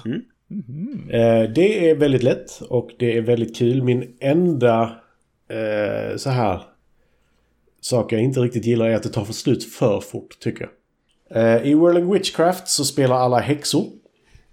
Eh, man kan spela samma häxa eller olika häxor eh, som har lite olika krafter då. Men kontentan i spelet är att du har ett bräde framför dig med fem olika ingredienser. Har jag fem det var? Jo, fem. Det är grodor, det är rött, det är blått och svart och vitt. Alltså jag älskar hur det var. Det är grodor, sen är det rött, svart, vitt, Svampar blå. är röda har jag för mig. ja, svampar är röda. Ja, det stämmer. Blåa är... Är det blommor? Nej. Nej, Ja, jag skitsamma. kommer inte ihåg heller. Men-. Det vita och det svarta kan jag fortfarande inte för det är typ ett så här Eye of Newt och... Jag vet inte. Ödleöga då ja. Ja, men det finns i alla fall olika mängder av de här. Olika platser för olika, de här kuberna då. Som man ska spela ut. Och varje gång så väljer du ett kort. Som du lägger framför dig. På det kortet så är det en, eh, vad heter det, eh, ett recept. Som då skapar nya kuber. De här kuberna lägger du i din kittel. Och sen så skickar du den här kitteln ett steg åt höger. Korten du hade på hand skickar du åt vänster. Eh, det som händer nu är att när du får en ny kittel så lägger du ut alla ingredienserna på ditt bräde. De som du inte har plats till går tillbaka till personen som skickade. Och de, när de har fått fem sådana här kuber så har de vunnit.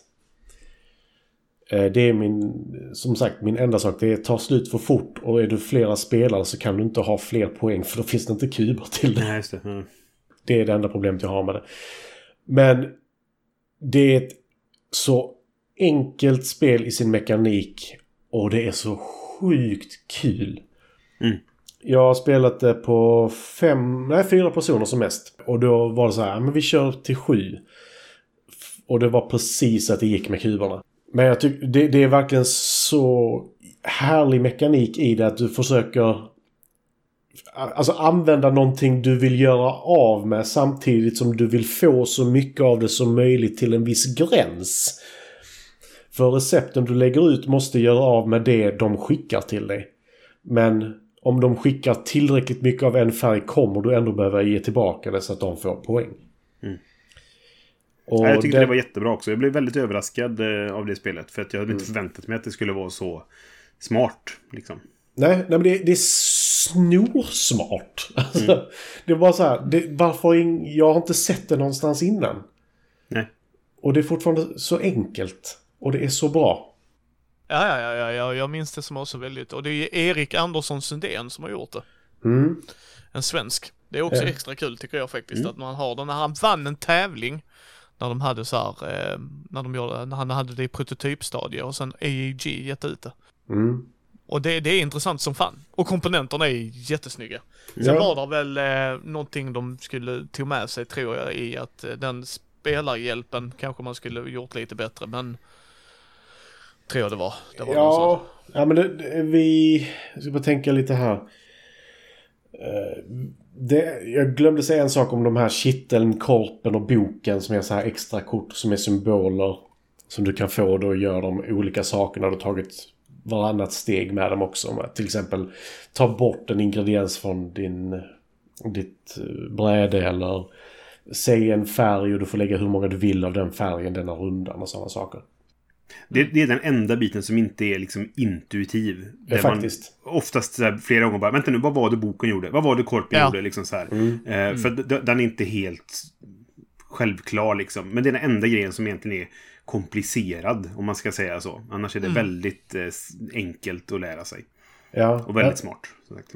Och det är det den har fått kritik för, att bara lite mer play rates hade det nog Mm. löst Nej, sig. men att, du, att, att du hade suttit och tittat på den själv och bara, aha okej. Eh, men, ja, men det är bra val, bra val. Nej, för jag, jag, jag fastnade direkt för det. Du har ju lämnat din version här och jag har spelat den några gånger liksom med Karin och några vänner till henne och med Christian också liksom. Alla har tyckt det var så här, shit vad bra det är för att vara så enkelt. Japp. God jul Matti, den är din. Jag har inte plats, men tack för människohyll alltså. Så, eh, nej men jag, vi- jag kommer ju spela den med dig så att det, det är er.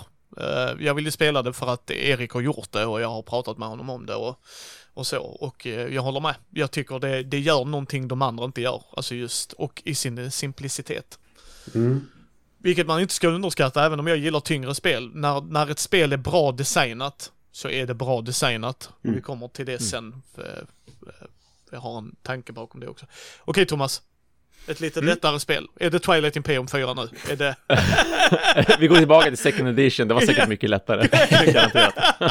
ah, jag tror 4 är nog fan mycket lättare. Ja, jag tror också att det har gått åt rätt håll på den fronten faktiskt. Jag tror snarare att det är jobbigare att spela den gamla, gamlare uh, utgåvorna. Nej, jag, jag, tänker tips, jag tänker tipsa om Imhotep. Ehm, Åh. som, eh, ja, det nämns för lite. Jag tycker det är ett, jag tycker det är ett bra, eh, intressanta valspel sådär, som jag brukar försöka komma ihåg och tipsa om på, på jobbet och det gör även kollegorna och sådär emellanåt. Eh, där man ska tävla om att man ska bli, man ska bli den mest kända arkitekten i Egypten sedan just Imhotep och man ska transportera stenblock till fem olika byggplatser och resa monument vid fyra av de platserna.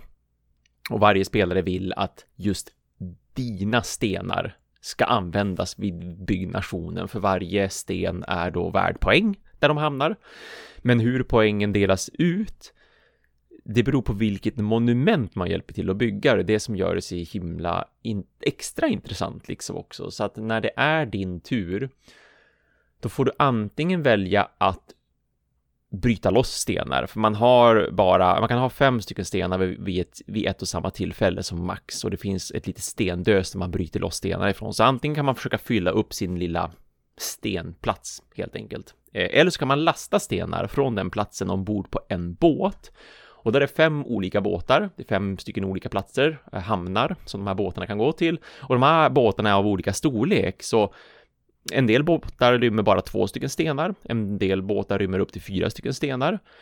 Och eh, så då får du placera en av dina stenar på en av de båtarna i sådana fall. Men det tredje och sista valet du kan göra annars, det är att istället för att då samla in stenar eller för att placera ut stenar på en båt, är att du kan ta vilken båt du vill när som helst, liksom, oavsett om det finns en sten på den eller två eller tre, alltså om den är tom eller inte.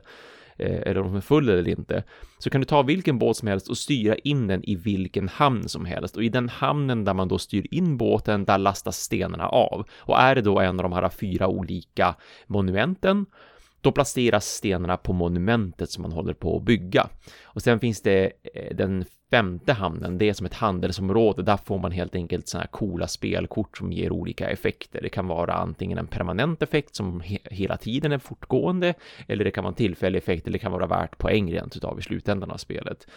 Men det, det roliga och det huvudsakliga, det är ju att såklart få placera stenarna på ett monument.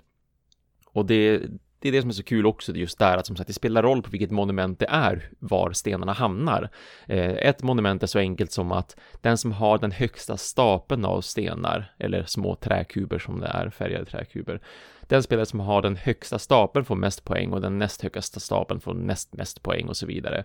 Eh, men på ett annat ställe, då lägger man dem som en pyramid där det är först ett 3 gånger 3 rutnät, så det är nio stycken spel, eh, nio, nio stycken kuber som utgör botten på pyramiden och sen andra laget på pyramiden kommer att vara fyra stycken stenar som ligger som en kvadrat och den sista, eh, tredje högsta toppen, där är det bara en sten som kommer att ligga. Och beroende på eh, i vilken vilken placering som stenarna hamnar i den pyramiden så är de värda olika poäng. Att vara den som först lastar av en sten där, det kanske bara är värt tre poäng, men den som lastar av nästa sten kommer få fem poäng och den som lastar av nästa spel får bara en poäng. Så att beroende på positionen på stenarna, hur de hamnar på varje monument i stort sett, så spelar det också roll för hur mycket poäng man kommer att få i slutändan. Och, och, en annan monument där är det att man ska försöka få stenarna att klumpas ihop så mycket som möjligt. Du vill ha stora tjogg av eller tjock av stenar. För, för varje sten som är kopplad till en annan sten, eh, horisontellt eller vertikalt eller sådär, eh, eller horisontellt eller lodrätt, eh, de får du poäng för, men om stenarna ligger diagonalt så får du inga poäng istället. Så att det, det är det som är det roliga valet och kvalet, att okej, okay, om jag ska lasta, om jag ska, om jag ska placera ut en sten på en båt, vilken båt ska jag välja? Och vars någonstans på den båten ska den väljas för att det kommer att spela roll då i vilken ordning som stenarna lastas av såklart i och med att beroende på vilket monument de åker till så kommer de vara värd olika, olika poäng. Eh, och i den ordningen som de lastas av så kommer man hamna på olika platser på det monumentet. Eller ska jag ta den här båten som jag redan har två stenar på och kanske köra iväg den hit bort för att där gynnas jag mest av att de lastas av. Eller ska jag ta Brisses båt som han har två av tre stenplatser uppe på? Och så kör jag iväg den till typ handelsområdet för att då får han bara inom citationskort eh, de här eh, korten, marknadskorten som man kan välja på. Det, det är kanske inte är värt så himla mycket från dem just nu för det är ganska dåliga kort som ligger framme. Det hade varit värre om den hade hamnat, eh, den båten hade hamnat på typ bygg så hög stapel som möjligt monumentet för just nu har Brisse en väldigt hög stapel redan. Och så kör man i sex spelrundor tror jag det är så man väljer då att alla placerar ut en massa stenblock. När alla båtar väl har hamnat i varsin hamn då är det en ny spelrunda, så då tar man fram nya båtar och så, så man, rullar det på sådär, sex spelrundor som sagt. Det tar kanske 40 minuter eller någonting, 30-40 minuter så är man färdig sen och räknar poäng. Det har jag inte spelat. Inte jag heller faktiskt. Nej, inte jag heller. Jag satt och tittade lite på det nu och det såg jätteintressant ut. Det fastnar för så här Kosmos förlag och gick igenom lite här vad de har gjort. Ja. De har ja. några riktiga guldkorn Mm, mm, mm. Sen är det mycket skit. Men... Ja, ja, det är men, absolut, det är det, ja, visst. Men de är så här, det är ett blandföretag, alltså de gör ju framförallt ganska enkla familjespel. De gör mm. några bra, riktigt bra tvåspelarspel också, både Targi oh. och eh, eh, vad heter det? Ja, Lost Cities tycker jag är bra spel för, för bara två spelare. Uh, Lost Cities uh, fastnar jag inte för, men Targi är... Åh, oh, ja, shit ja. vad bra det är. Mm. Och jag håller med Thomas, Lost City är ett bra spel. Ah, tack, tack för att du har det på min sida.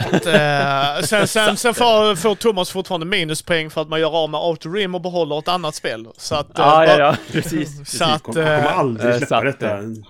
Nej. nej, det kan jag säga till dig att det är mycket riktigt, Brisse.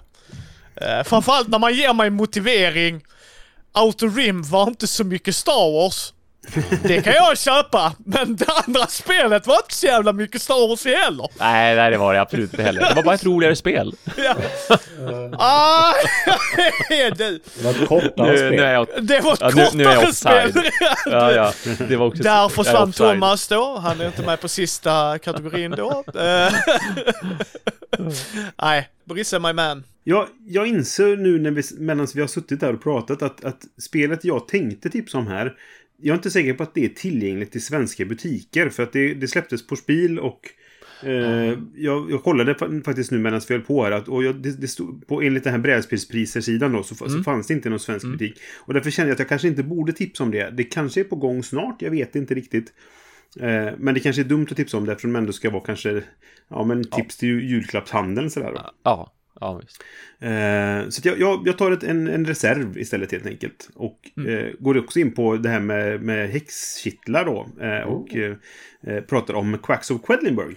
Såklart. Ja, visst. Eh, som jag tycker är ett väldigt mysigt spel. Det är, eh, så här, ja, det är väldigt... Folk säger att det är bara tur om man drar och så har du ingen kontroll över vad du gör och så vidare. Vilket jag inte håller med om. Eh, Nej, så, det håller man jag har med ganska om mycket heller. kontroll över vad man stoppar i sin säck i alla fall. Eh, eller eh, påsen då som är kitteln om man säger så. Men, eller där du har ingredienserna i alla fall. Mm. Ja, jag vill bara flika in. Jag tror de människorna inte förstår begreppet push your luck. Det Nej. vill säga, ja men det går Mm. åt helvete. Ja, för att du pressar dig hela jävla tiden. men precis. Så, och det, visst, man kan ju ha otur och så drar man alla Ja. dynamiter direkt och så Ja, ja, sprängs man. Så här. det, Ja. det, det är ju otur liksom. Eh, såklart då. Men du, du, ja, det, det, man kan påverka det i alla fall. Sådär. Ja, Eh, och jag tycker att det, det, det här är ett spel som... Det är inte det bästa designen jag har varit med om. Men det är väldigt mysigt. Ja. Eh, för de som inte har spelat det så är det så här att du har... Alla har sin, sin påse med ingredienser som är väldigt basic från början. Du har en häxtitel. Eh, och varje runda så, eller man kan spela simultant då helt enkelt. Man drar ur påsen och lägger i sin kittel.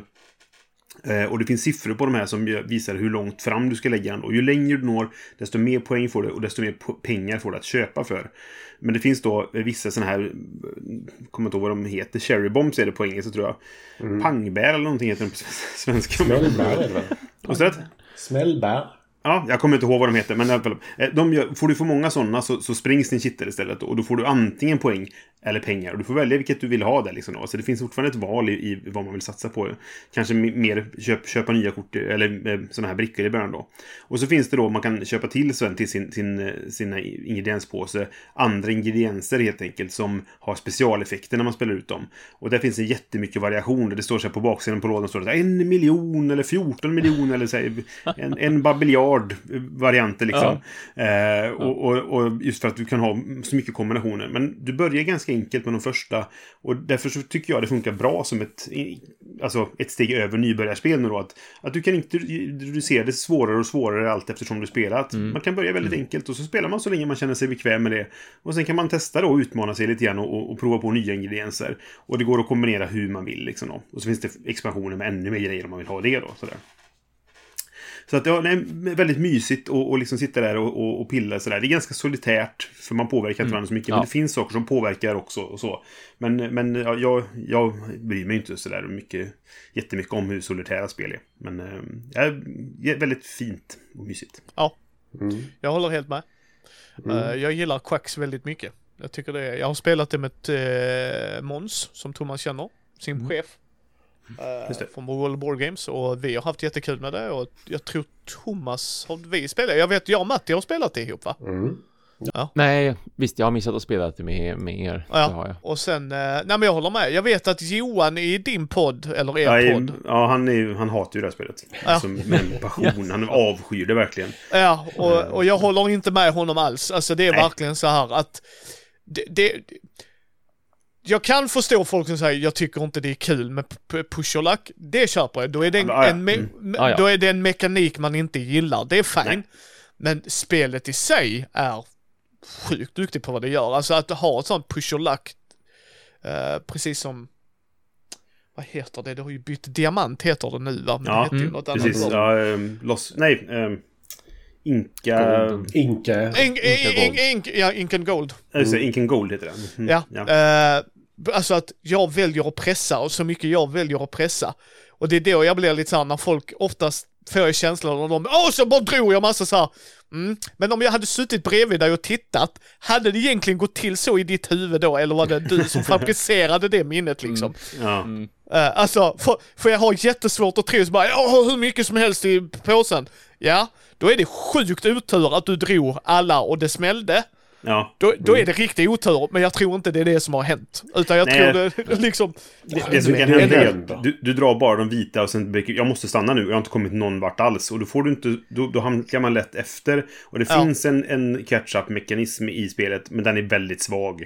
Så att Ja. det, det, det, det, det finns tendenser att, att Runaway lider och att den som har börjat gå bra för fortsätter gå bra för. Liksom sådär.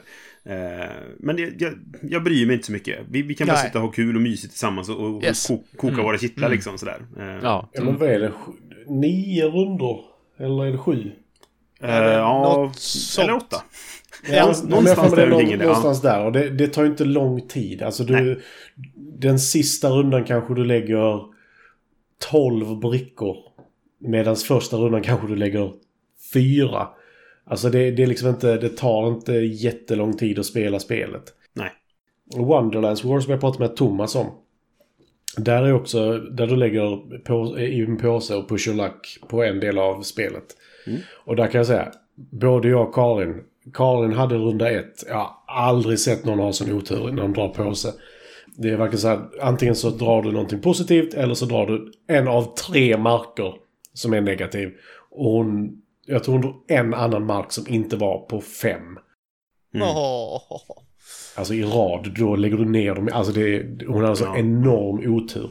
Nej, och sen så eh, Quex har ju också det här att eh, kombobyggandet som jag tycker är kul att testa som du har i, i, lekbyggarspel. Så här, hur provar jag, hur funkar det här tillsammans? Jag kan prova den här strategin eller taktiken den här gången liksom så. Så att det, det är också kul då. Ja, Ja. eller Mm, visst. de... Det är ju pumporna är väl de enda som inte gör någonting egentligen. Förutom att Eh, flytta ja. dig framåt. Precis, men det finns andra, de här svamparna som påverkas av pumporna. Ja, Eh, och och då, då kan man ändå bygga en pumpalek om man säger så. Eh, Ja. Så, så det, det, det finns ju saker att göra där också. Så att, eh, Ja, ja, jag tycker det är riktigt kul. Alltså Mm. push your luck är riktigt kul. Men man får också lite, så här, lite ilska i sig. ja, ja, så, Och Men- då behöver det vara korta spel för mig. Ja, det är det som är precis. grejen. Är, ko- är spelet ett kort tid och jag har push och luck i det, då gör mig inget. Nej. Då är det Nej, fortfarande hur? kontra slump kontra tid. ja Eh, nej, men men- absolut, verkligen. Så att det... Okej. Kategorin Matti la till. Ett spel vi hade velat se under granen som jag tycker är en väldigt bra tillägg för att det, vad är det vi nördar är intresserade av att se under vårt? Och jag tror ni inte kommer gissa min. Eh, Jag gissar på något med Batman. Okej, eh, vad gissar Matti på? alltså, jag gissar ju på någonting med Harry Potter då. Ja. Och vad tar Thomas då? Visa på någonting med Star Wars. Ah, Ja. Nej, Jag tror inte... om man tittar precis ovanför mitt huvud så ser man tre mintlådor. mm. Du, mm, oh, vänt, nej, vänta. Det var Tiny Epic. Japp, Den yes. är senaste. Eh, Ja, mint, är det Mint Batman? Nej, ja, I wish. mint, men det börjar på B. Mint bid. Mm. Den är en gula. Auktionsspel har jag alltid gillat. Mm. Eller alltid, alltså sk- idén bakom, inte alla auktionsspel. Men idén bakom, jag gillar det. Vad är någon beredd att betala eh, för det? Och de tre har vi gjort video på, men jag kommer spoila lite nu ändå. Den rosa var värdelös. Eh, den var, alltså vi tyckte inte det var kul. Det, Matti och jag, vi spelade bara klart det, men vi tittade på varandra och vi satt i ditt kök. Det här var inte kul. Alltså, vi bägge hade den blicken mot varandra. Eh, men det jag gillar med, och vi pratar om när något görs i sin enklaste form, att Mintworks lär dig arbetarplaceringsgrejen. Jävligt slick. Mm. Det är kul, enkelt spel som man kan ha med sig på resa. Lite bordsyta, boom. Mint Delivery, samma grej. Pick up and deliver. Jag ska från A till B. That's it. Och då blir jag sjukt nyfiken på vad Mint Bid gör. Hur kommer det göra? För liksom 66,6% av de vi har spelat har ju varit bra ju, så att oddsen är ju ändå att det kan vara bra. Och jag gillar ju auktionsspel. Så kan det göra det otroligt simpelt, för det vi pratar om det i de videorna och vi kan säga det lite nu, för jag tror vi bägge var rörande överens. Det här är ju de som är så bra, jag vet att du äger det Karl. Nej, jag bara funderar på vilket det var ni inte gillade. Var det min, mint... Nu ska vi se. Eh, Co-op. Mint Cooperative ni inte gillade? Ja, ja, ja, den var värdelös. Eh, men, hej, jag vill spela ett arbetarplacering. Nu, nu, nu är ni fel crowd eftersom ni är gamers. Men om ni inte hade varit det, då hade jag kunnat ta Mintworks och sätta mig ner med er. Det här är arbetarplacering. Så när jag säger till er, det här spelet är i grunden ett arbetarplaceringsspel. Då vet folk att, då förstår jag grunden. Sätt en grej och få en grej. Så. Och dessutom kan du ha det i bakfickan så du kan dra fram den när som Mm. helst. Bara, nu ska Yes. jag visa dig vad ett arbetarplacerarspel är. Ja. Och samma sak med Mint Delivery, att vi kan sitta och spela. Detta är ett pick-up delivery. Där är mycket, mycket mer lager i de andra spelen, men här lär ni er grunden. Det är därför jag till exempel kan uppskatta Seven Wonders. Du lär dig drafting. Pang tjoff, enkelt så. Nu, nu kan du det. Eh, samma sak med Dominion, ett lekbyggarspel. Det här är en deckbuilding i sin renaste form. När ni kan det, och så kan vi då säga nu ska vi spela det här. Ah, då är det den associationsförmåga. Så därför är jag sjukt nyfiken på och hade gärna sett under min gran. Mint bid. För det är en sån. Mm. Ha, Jag vad gör ni? Jag satt bara och tänkte på... Jag har svårt att tänka mig någonting enklare än for sale nästan. Ja, Och det är ja. Yes, och det är Mm. därför jag är nyfiken på det. Av Ja. den anledningen, jag, jag vet inte om det är bra, det är det som är grejen. Utan jag bara är jättenyfiken på det, för jag håller med dig. För jag tänker på For Sale, som jag tycker är fantastiskt bra. Jag tror jag fortfarande äger det nämligen. Det är ett sånt spel så här, som också hade kunnat gå in på ett för familjen eller ett för party, alltså när man sitter i en grupp. Verkligen. Uh, sjukt bra spel överlag gott folk. Eh, men, och framförallt att du kan förklara det spelet i två delar. Mm. Eh, som Tom Wassel säger och jag håller med honom där. Men min bid är min.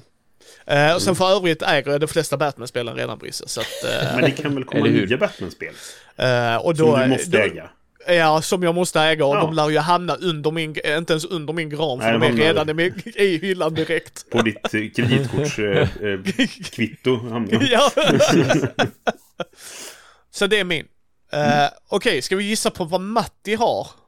Det tror jag inte ni kan göra. Det jag skrev upp tror jag faktiskt inte ni kan gissa på. Men jag, jag, jag har sådär... Jag får ju skit för det. Eller Ulf ska ha skit för det från Film till Fikat från början egentligen. Koncept. Ja. Jaha. Eh, nu ska vi se, vad tror vi? Då är det inget med Star Wars. Så jag säger Twilight Imperium 4. Jag sätter den Varför skulle jag önska mig det? Det är för att du skulle kunna sälja det och köpa det du ville ha istället. vad tror du Thomas? Vi hade så trevligt när vi spelade Next Station London, så har du inte köpt det då kanske du vill ha det. Ja, ah, det var bra. Uh, Brisse, vad tror du? Nej, jag har ingen aning. Men något med rymden. För det vet jag att du gillar. Ja, eller hur? Ja. Ja, då var du på koncept och nalla så var det rätt koncept. Ja, rätt koncept definitivt. Fast Ah! det var inte det koncept jag tänkte på. Men det är rätt koncept i den formen av att det är ett rymdspel jag tänker på. Oh. Eh, men jag hade två stycken på min lista. Och jag tror faktiskt jag tar det andra som är mycket mindre bara för det. För att jag inte ska ha Twilight Imperium och sälja så att jag kan köpa det. Utan någonting jag kan köpa själv. Eh, Space Station Phoenix. Oj, fan det inte ens Ah. hört talas om. Det Jag verkar känner igen namnet men jag kan inte... superintressant. Jag älskar worker placement. Detta är ett worker placement-spel där du har många val till en början. Men du ska också använda dina worker placement spots för att eh, inte terraforma men bygga liksom en plats att bo på i framtiden. Och det är ett koncept som är sjukt jävla intressant i mitt huvud. För att verkligen så här, ja men jag vill gå till den platsen, den finns inte längre. Du kan inte använda den kraften längre. För jag har byggt en, jag vet inte, gympasal av det. inte en gympasal kanske men. Eh, det verkar väldigt, väldigt, väldigt intressant. För alla har ett viss, en viss mängd eh, worker placement spots och som jag förstått det kan du ta Alltså använda andras också. Men det innebär också att du kan använda någon annans worker placement plats för att bygga det du bygger. Så du kan alltså ta bort någon annans arbetsplats också. Och det verkar vara ett väldigt intressant. Alltså istället för att bygga ut fler platser så tar du bort. Mm. Och det, det konceptet gillar jag. Det låter ju som det här som jag in, gör att jag är rädd för eh, Feast for Odin. Att det finns för mycket val i början på spelet. Jag har inte spelat det faktiskt. Nej, inte jag heller. För att jag är rädd för det. Men, men att det så här, jag, jag tycker det är jobbigt när det finns för mycket val i ett worker placement-spel. Där det är typ så här, du kan göra vad du vill. Bara, hjälp, jag vet inte var jag ska börja. Liksom, så uh, men det, jag, jag tittar på det nu för jag var tvungen att... Och, och, här, jag känner igen namnet. Och här, när jag ser omslaget, bara, ah, men det är det. Okej, då vet jag vilket det är. Jag, jag vet inte så mycket om det, men det, det är mycket bröt i den lådan kan jag säga. Mm. Uh, så du får nog mycket för pengarna. Ja, nej, men jag, jag tror inte att du kommer använda allting heller. Alltså ens de, kanske de första Nej. två rundorna du spelar. Nej, nej.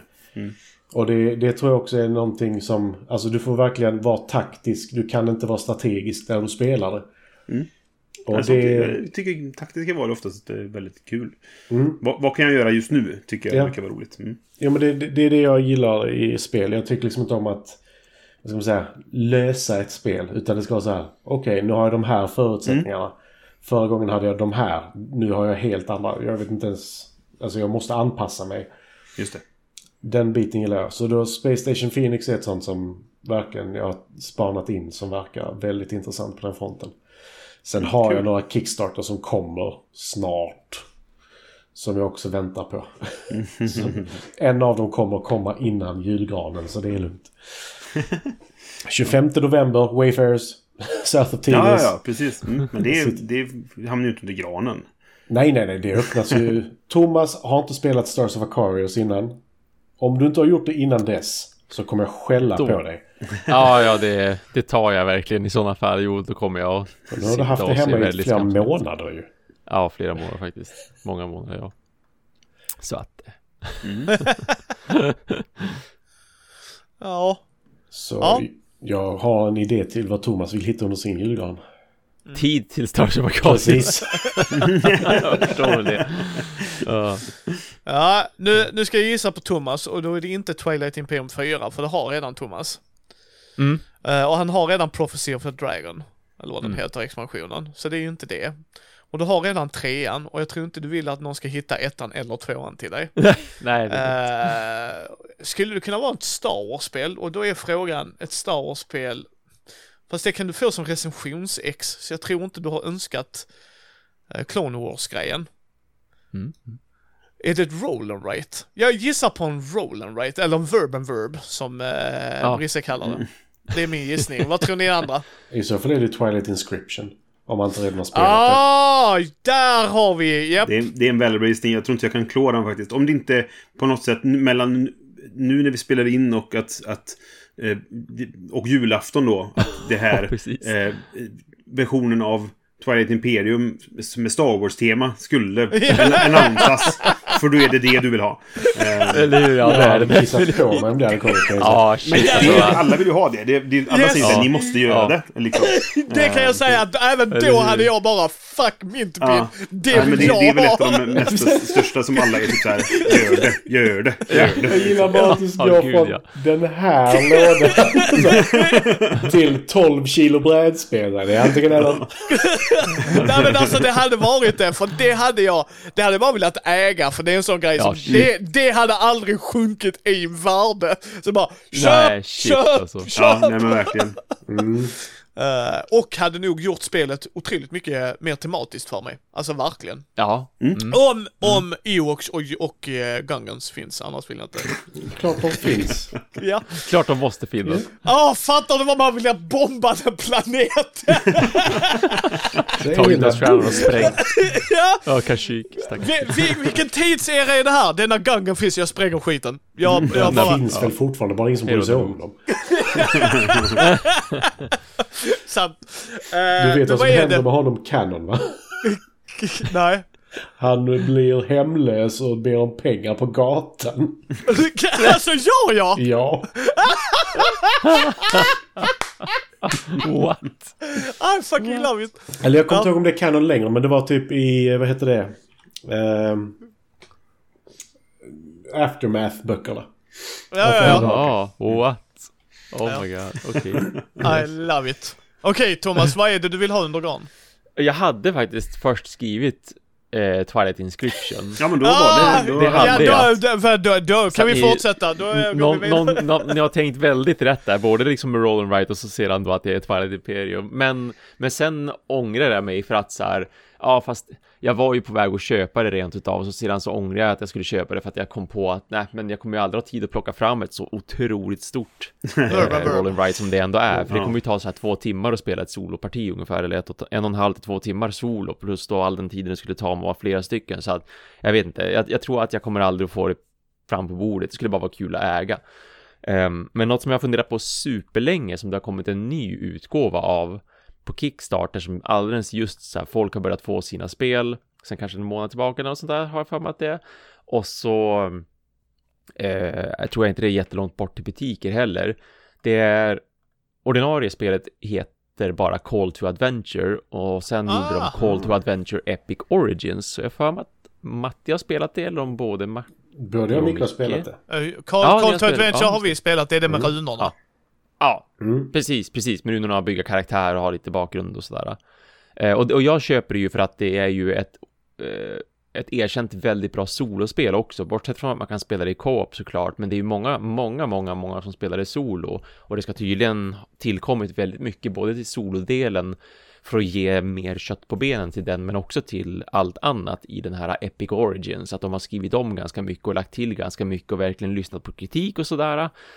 Ehm, och, för, och helt enkelt försökt göra ett, så, ett, ett bet, ännu bättre spel. Mm. Så det skulle jag supergärna se. Det ser ut att vara ett riktigt kul, trevligt eh, äventyrs RPG-aktigt spel som bara har ju spelkort och ganska mycket fri sådär fantasi att dra kort, se vad det är som händer, vad möter din karaktär, vad får din karaktär för bakgrundshistoria, möter man en nemesis, vem är det, eller varför, eh, vad gör du för val, varför gör du de valen, vad får det för konsekvenser för din karaktär, att det liksom, som att man skulle sitta lite grann som sådana här solo eh, rollspel är, när man sitter och har bara en journal och man liksom skriver en dagbok mer eller mindre, vad, vad gör min karaktär och varför, vad råkar den ut för för någonting, men att man får mer, man får lättare för att skapa kontext därför att i det här fallet så är det spelkort med både titel och eh, illustrationer och en liten, liten berättelse till sig och det, det tyckte jag såg bara så himla mysigt trevligt ut att sitta och liksom ja, nästan rollspela för sig själv på ett vis Mm. och skapa just en historia för sin karaktär. Ja. Mm. Jag har inte spelat Epic Origins men det vanliga är ju... Ja. Alltså när vi spelade så var det... Alltså, tänk att du skapar dig din rollspelskaraktärs bakgrund. Ja. Det, ja, det är precis. grundspelet Mm. egentligen. Ja, Japp. ja de, de har till och med beskrivit det själva som att makes the perfect session zero for your next RPG campaign. Så att man liksom spelar ett parti där och då skapar man sin karaktär. För att det är ju, det är till den punkten man kommer. Att man, man får bara en pytteliten bakgrundshistoria till en början och sen bygger man en liten, ja, lite mer karaktär helt enkelt. Mm. Och det är det jag tycker man måste säga om det spelet. Det kommer vara eh, avsnittet på måndag, Call to Adventure, som vi kommer släppa eh, inspelande stund. Gillar du inte att leva dig in i korten du spelar, då är inte det här spelet Absolut. superbra. Nej, det är okej, absolut. men inte mer. Men är du en Mm. rollspelare som jag är, eller som Brisse är, på många sätt och vis att du kommer från den vinkeln också Brisse. Mm. Och Matti där, eh, och Thomas som jag vet, för att vi berättar i berättelsen när vi Mm. bara spelar brädspel också, det gör Brisse med. Att vi kan sitta och skratta när någon gör så här Eurogame, framförallt i Eurogame, så bara, jag gör det här. Sjukt roligt om vi tittade på den här vinkeln, liksom att man kan Ja. sitta och skratta. Om vi Ja, bara tittar visst. från det här hållet så är det jättekonstigt liksom. Ja. Det är mer poäng om jag skjuter mina egna barn, bara what? Liksom. det, det är verkligen en sak som händer i Call Yes. to Adventure. Det är verkligen sådär. Din adversary kommer och så bara om du har en companion så kan du offra den för att vinna den här fighten. Så bara, Ja, My true ja. love. Så puttar den framför och sen så bara... Och det är det jag menar att då, då, då spelet blir extra roligt. Att ja, vi Ja. gör ju det roligt. Och det är det man behöver komma Ja. ihåg. Att har du sådana vänner eh, runt dig, alltså som älskar det, att ni älskar att spela de spelen, då tycker jag Call to Adventure är jätteroligt. Alltså så. Men sitter du bara och spelar det för mekanikens skull, då, ja, nej. Nej, Eh, nej men, men- precis. Men korten är jättesnygga, runorna är coola, alltså det blir en verkligen så här, som Matti sa där. Åh, jag kan offra my true love. Japp, sorry. Jo. liksom. Och då blir det väldigt så här schysst berättelse. Och att man kan sitta Ja. och berätta berättelserna liksom. Så, nej, jag Ja, gillar ja. det. Ehm, ja, okej, Brisse. Mm. Det är antingen med Batman eller Star Wars. Batman. Ja, det det är, så? Det är din favorithjälte. Ja, fast jag gillar ju Marvel mer än Batman. Ja, men du äger, du äger ju alla. sig. Ja, men han äger ju alla Marvel-spel redan ju. Så att... Ja. ja. Eh, vad gissar ska ni man på? gissa på? Shit alltså. Är det ett verb and verb här också kanske? Nej. Uh. Nej, det, det fist har jag växt, ur. Ja. Du fick ju tag på alla spel du ville ha inför framtiden på, på, när du var på Spiel känner Mm. jag. Så att, eh, finns det verkligen någonting kvar att hämta där? När Vet du vad, du är på spel rätt spår. För att det var ett Ja. spel jag inte köpte där nere som jag Nej, ändå är så här... Hmm, ja. det där skulle du nog ha ledtråd. upp. Okej. Eh, Då ska vi bara gå igenom din sökhistorik och... eh, Ja, precis. Ja. Alltså, du, vad? Vad var det? Du fick hem 27 spel. 37. 37. Ja. Ja. Då hade han ändå Oj, nekat, var det jösses. 14 eller vad det var? Men ja. Mm. Nej, det var må- jättemånga jag strök. Men det var, alltså, det var ett spel eh, som jag gick där nere och, och, eh, och ville köpa, men tänkte att nej. Nu är, det jag någon, är det någonting som faktiskt går att köpa nu? Eh, Så att du, Ehm, du kan ja, få ta på det som en julgran eller julgran? Jag blir osäker på ifall det faktiskt finns i butik. Men det, Aha, Kickstarten har levererat. Eh, så att det, det går nog att få tag på liksom. Oh, Marvel Zombies. Åh, fy. Nej. Marvel-spel, ja, men eh, också zombies, så nej.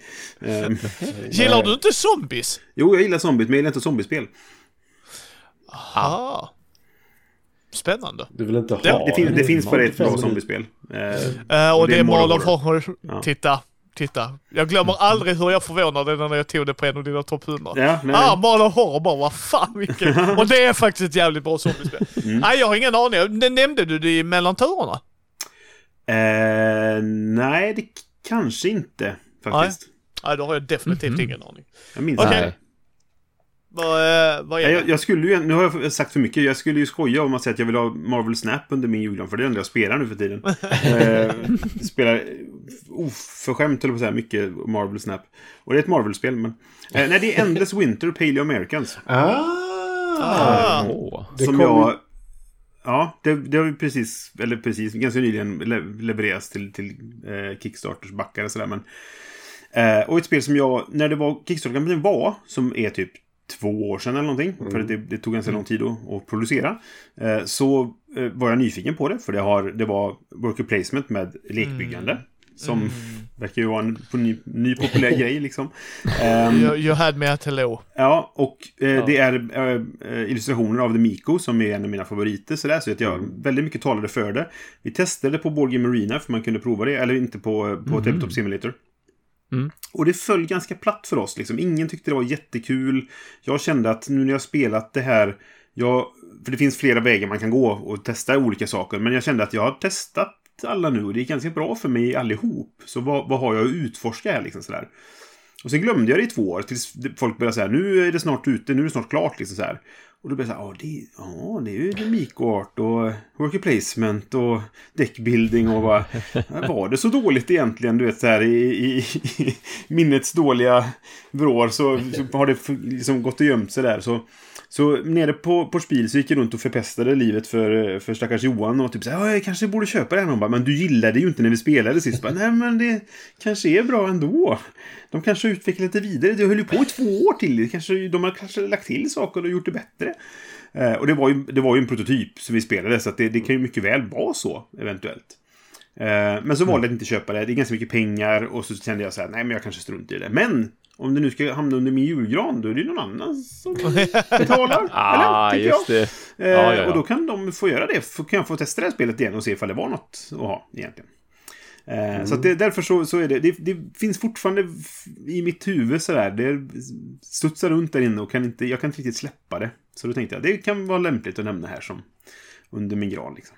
Ja, jag kommer ihåg för det kom tre spel samtidigt som eh, var på väg in. Det var Lost Ruins of Arnak, Japp. Dune Imperium Japp.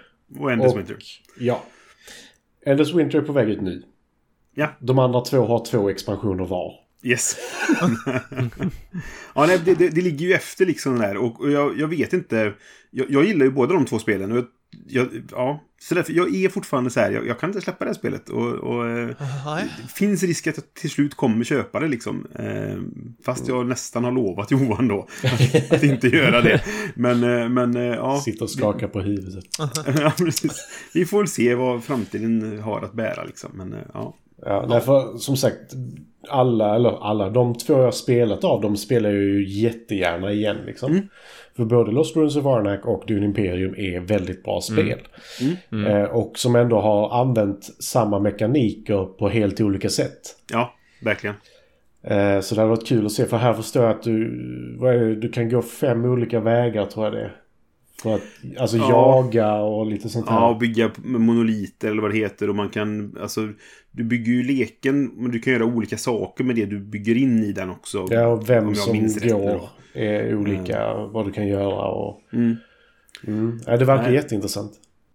Ja, nej, så att det, det, det, det, Vill någon lägga det under min gran så blir jag inte ledsen.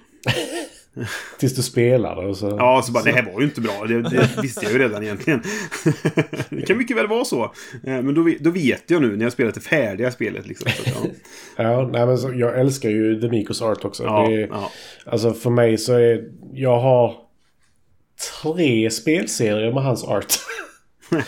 så jag har Valeria-spelen, jag har eh, eh, Paladins, eller vad säger jag, West Kingdom-spelen och så har jag i och för sig Imperium Legends men den stilen är ju inte samma som de andra och jag Nej, gillar inte den. där. Jag gillar inte den stilen om jag ska vara ärlig faktiskt. Ja, det, han får jättegärna vara lite mer... Eh, inte cartoony, men lite mer... In, inte så livstroget om man säger så. Mm. Eh, då tycker jag han gör det bäst. Liksom. Ja, eh, Valeria-spelen, eh, där har han också lyckats tycker jag faktiskt. Mm, mm. Ja. Ja. Det är olika tips från oss nördar till er nördar och förhoppningsvis har ni hittat något som har inspirerat er. Eh, vi hade ju väldigt olika tips. Hade någon, någon crossover bara valde något annat? Ja, jag, jag, jag, visste ju att du skulle väl- välja Hitster, så jag strök ju det före jag, när jag gjorde listan. För att inte säga det behöver inte ha med detta, det kommer ändå liksom. Ja. Mm. Jag hade Fake Artist Goes to New York på lite lättare spel. Ah, du hade det? Mm. Men... Eh, Ah. Vilka Det- hade du som bubblare då Matti? Du hade ju ändå skrivit ner oj, några. oj, oj, oj. Eh, på familjen så hade jag Double som bubblare och Pitch Car. Sen kom jag på att jag vill nog inte spela Pitch Car med för små barn. För frustrationen som dyker upp i det kan nog vara ganska extrem. Ja.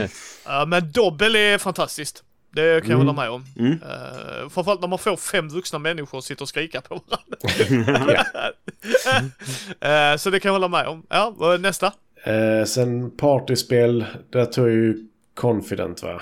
Ja. Ja. Eh, nej, där tog jag Trial by Trolley men där hade jag Confident. Jag hade, den gick in i Just båda dem. Mm. Ja. Lite tyngre så hade jag Wonderlands War faktiskt. Ja, ja, ja, det är det Eh, okej. Mm. Mm. För jag, det, det är två väldigt, eller det, det är inte tungt spel. Men det, för det är två spel i ett som Ja. gör att det inte blir tungt. Eh, sen hade vi Libertalia Winds of Galecrests på lite lättare. Eller Galecrest. Libertalia, är det det drafting? Nej, eh, Du typ besöker olika platser och tar olika små tokens. Okej. om jag ska säga. okej, för där är ett spel som är jättegammalt. Eller jättegammalt är ju alltid relativt. Men som är Libertalia, hette inte det kortspelet det Brisse? Där du är, jag tror du har valt att undvika det eftersom det är pirattema, men Mm, jo, Jo, men det kan... Ja, men det är Ja. det. De, Det- det, det- det är Stonemaier som gjort en ny version av det. Yes. Det är okej, så det är det spelet? Ja. Okej, okej. Ja. Så du Ja, jag lägger ut en av tio gubbar tror jag det är. Ja, alla bör... eller- Ja, precis. Du blandar en lek, shufflar ut de korten. Så alla de korten som kommer ut där kommer alla börja med. Ja, Och sen så kommer du rekrytera lite olika och så. Alltså, så att det... alltså är det nummer och och så får de Ja, göra olika saker. Precis. den, Eh, den är rätt nice och faktiskt. sen så, vad jag vill ha under granen hade jag egentligen Eclipse Second Dawn of the Galaxy som eh, min första. Men sen så ändrade jag mig till eh, det jag tog istället. Uh, Eclipse eh, måste vi spela. Jag är så jävla sugen på det. Eh, Sen så vet jag också att jag har Voidfall på väg hit så... Vet du vad vi måste spela? Och vi måste spela det med Brisse. Det är det spelet som föll ur min topp 100-lista för av någon magisk anledning. Och tror du skulle säga att det föll ur din hylla. Nej. Ja, det har du gjort mer än en gång också. fan är det någonstans? Sia! Där hade vi det. Ja, Ja, ja, ja jag vill jättegärna spela Sia. ehm, För att eh, någon annan får gärna lära mig det. Japp, vi ska ha med Fredde. För det är faktiskt det som Fredde och jag säger, det är så sjukt intressant med Sia. Ja. Det är att egentligen borde inte han och jag gilla det.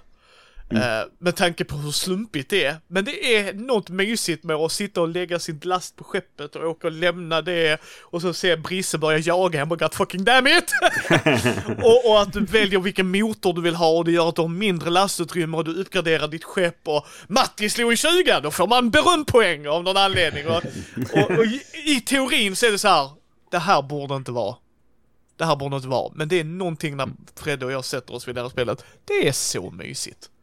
Ja, det vill jag jättegärna spela. Eh, Det det- vore jättekul att spela mer. Ja, Ja. Nej, men det vill jag också jättegärna spela. Alltså det finns... Det och Firefly, båda de två hade jag velat testa och jämföra lite vilket jag hade tyckt bäst om. För jag älskar Firefly-världen. Yes. Jag, jag ehm, kräktes lite i munnen, förlåt.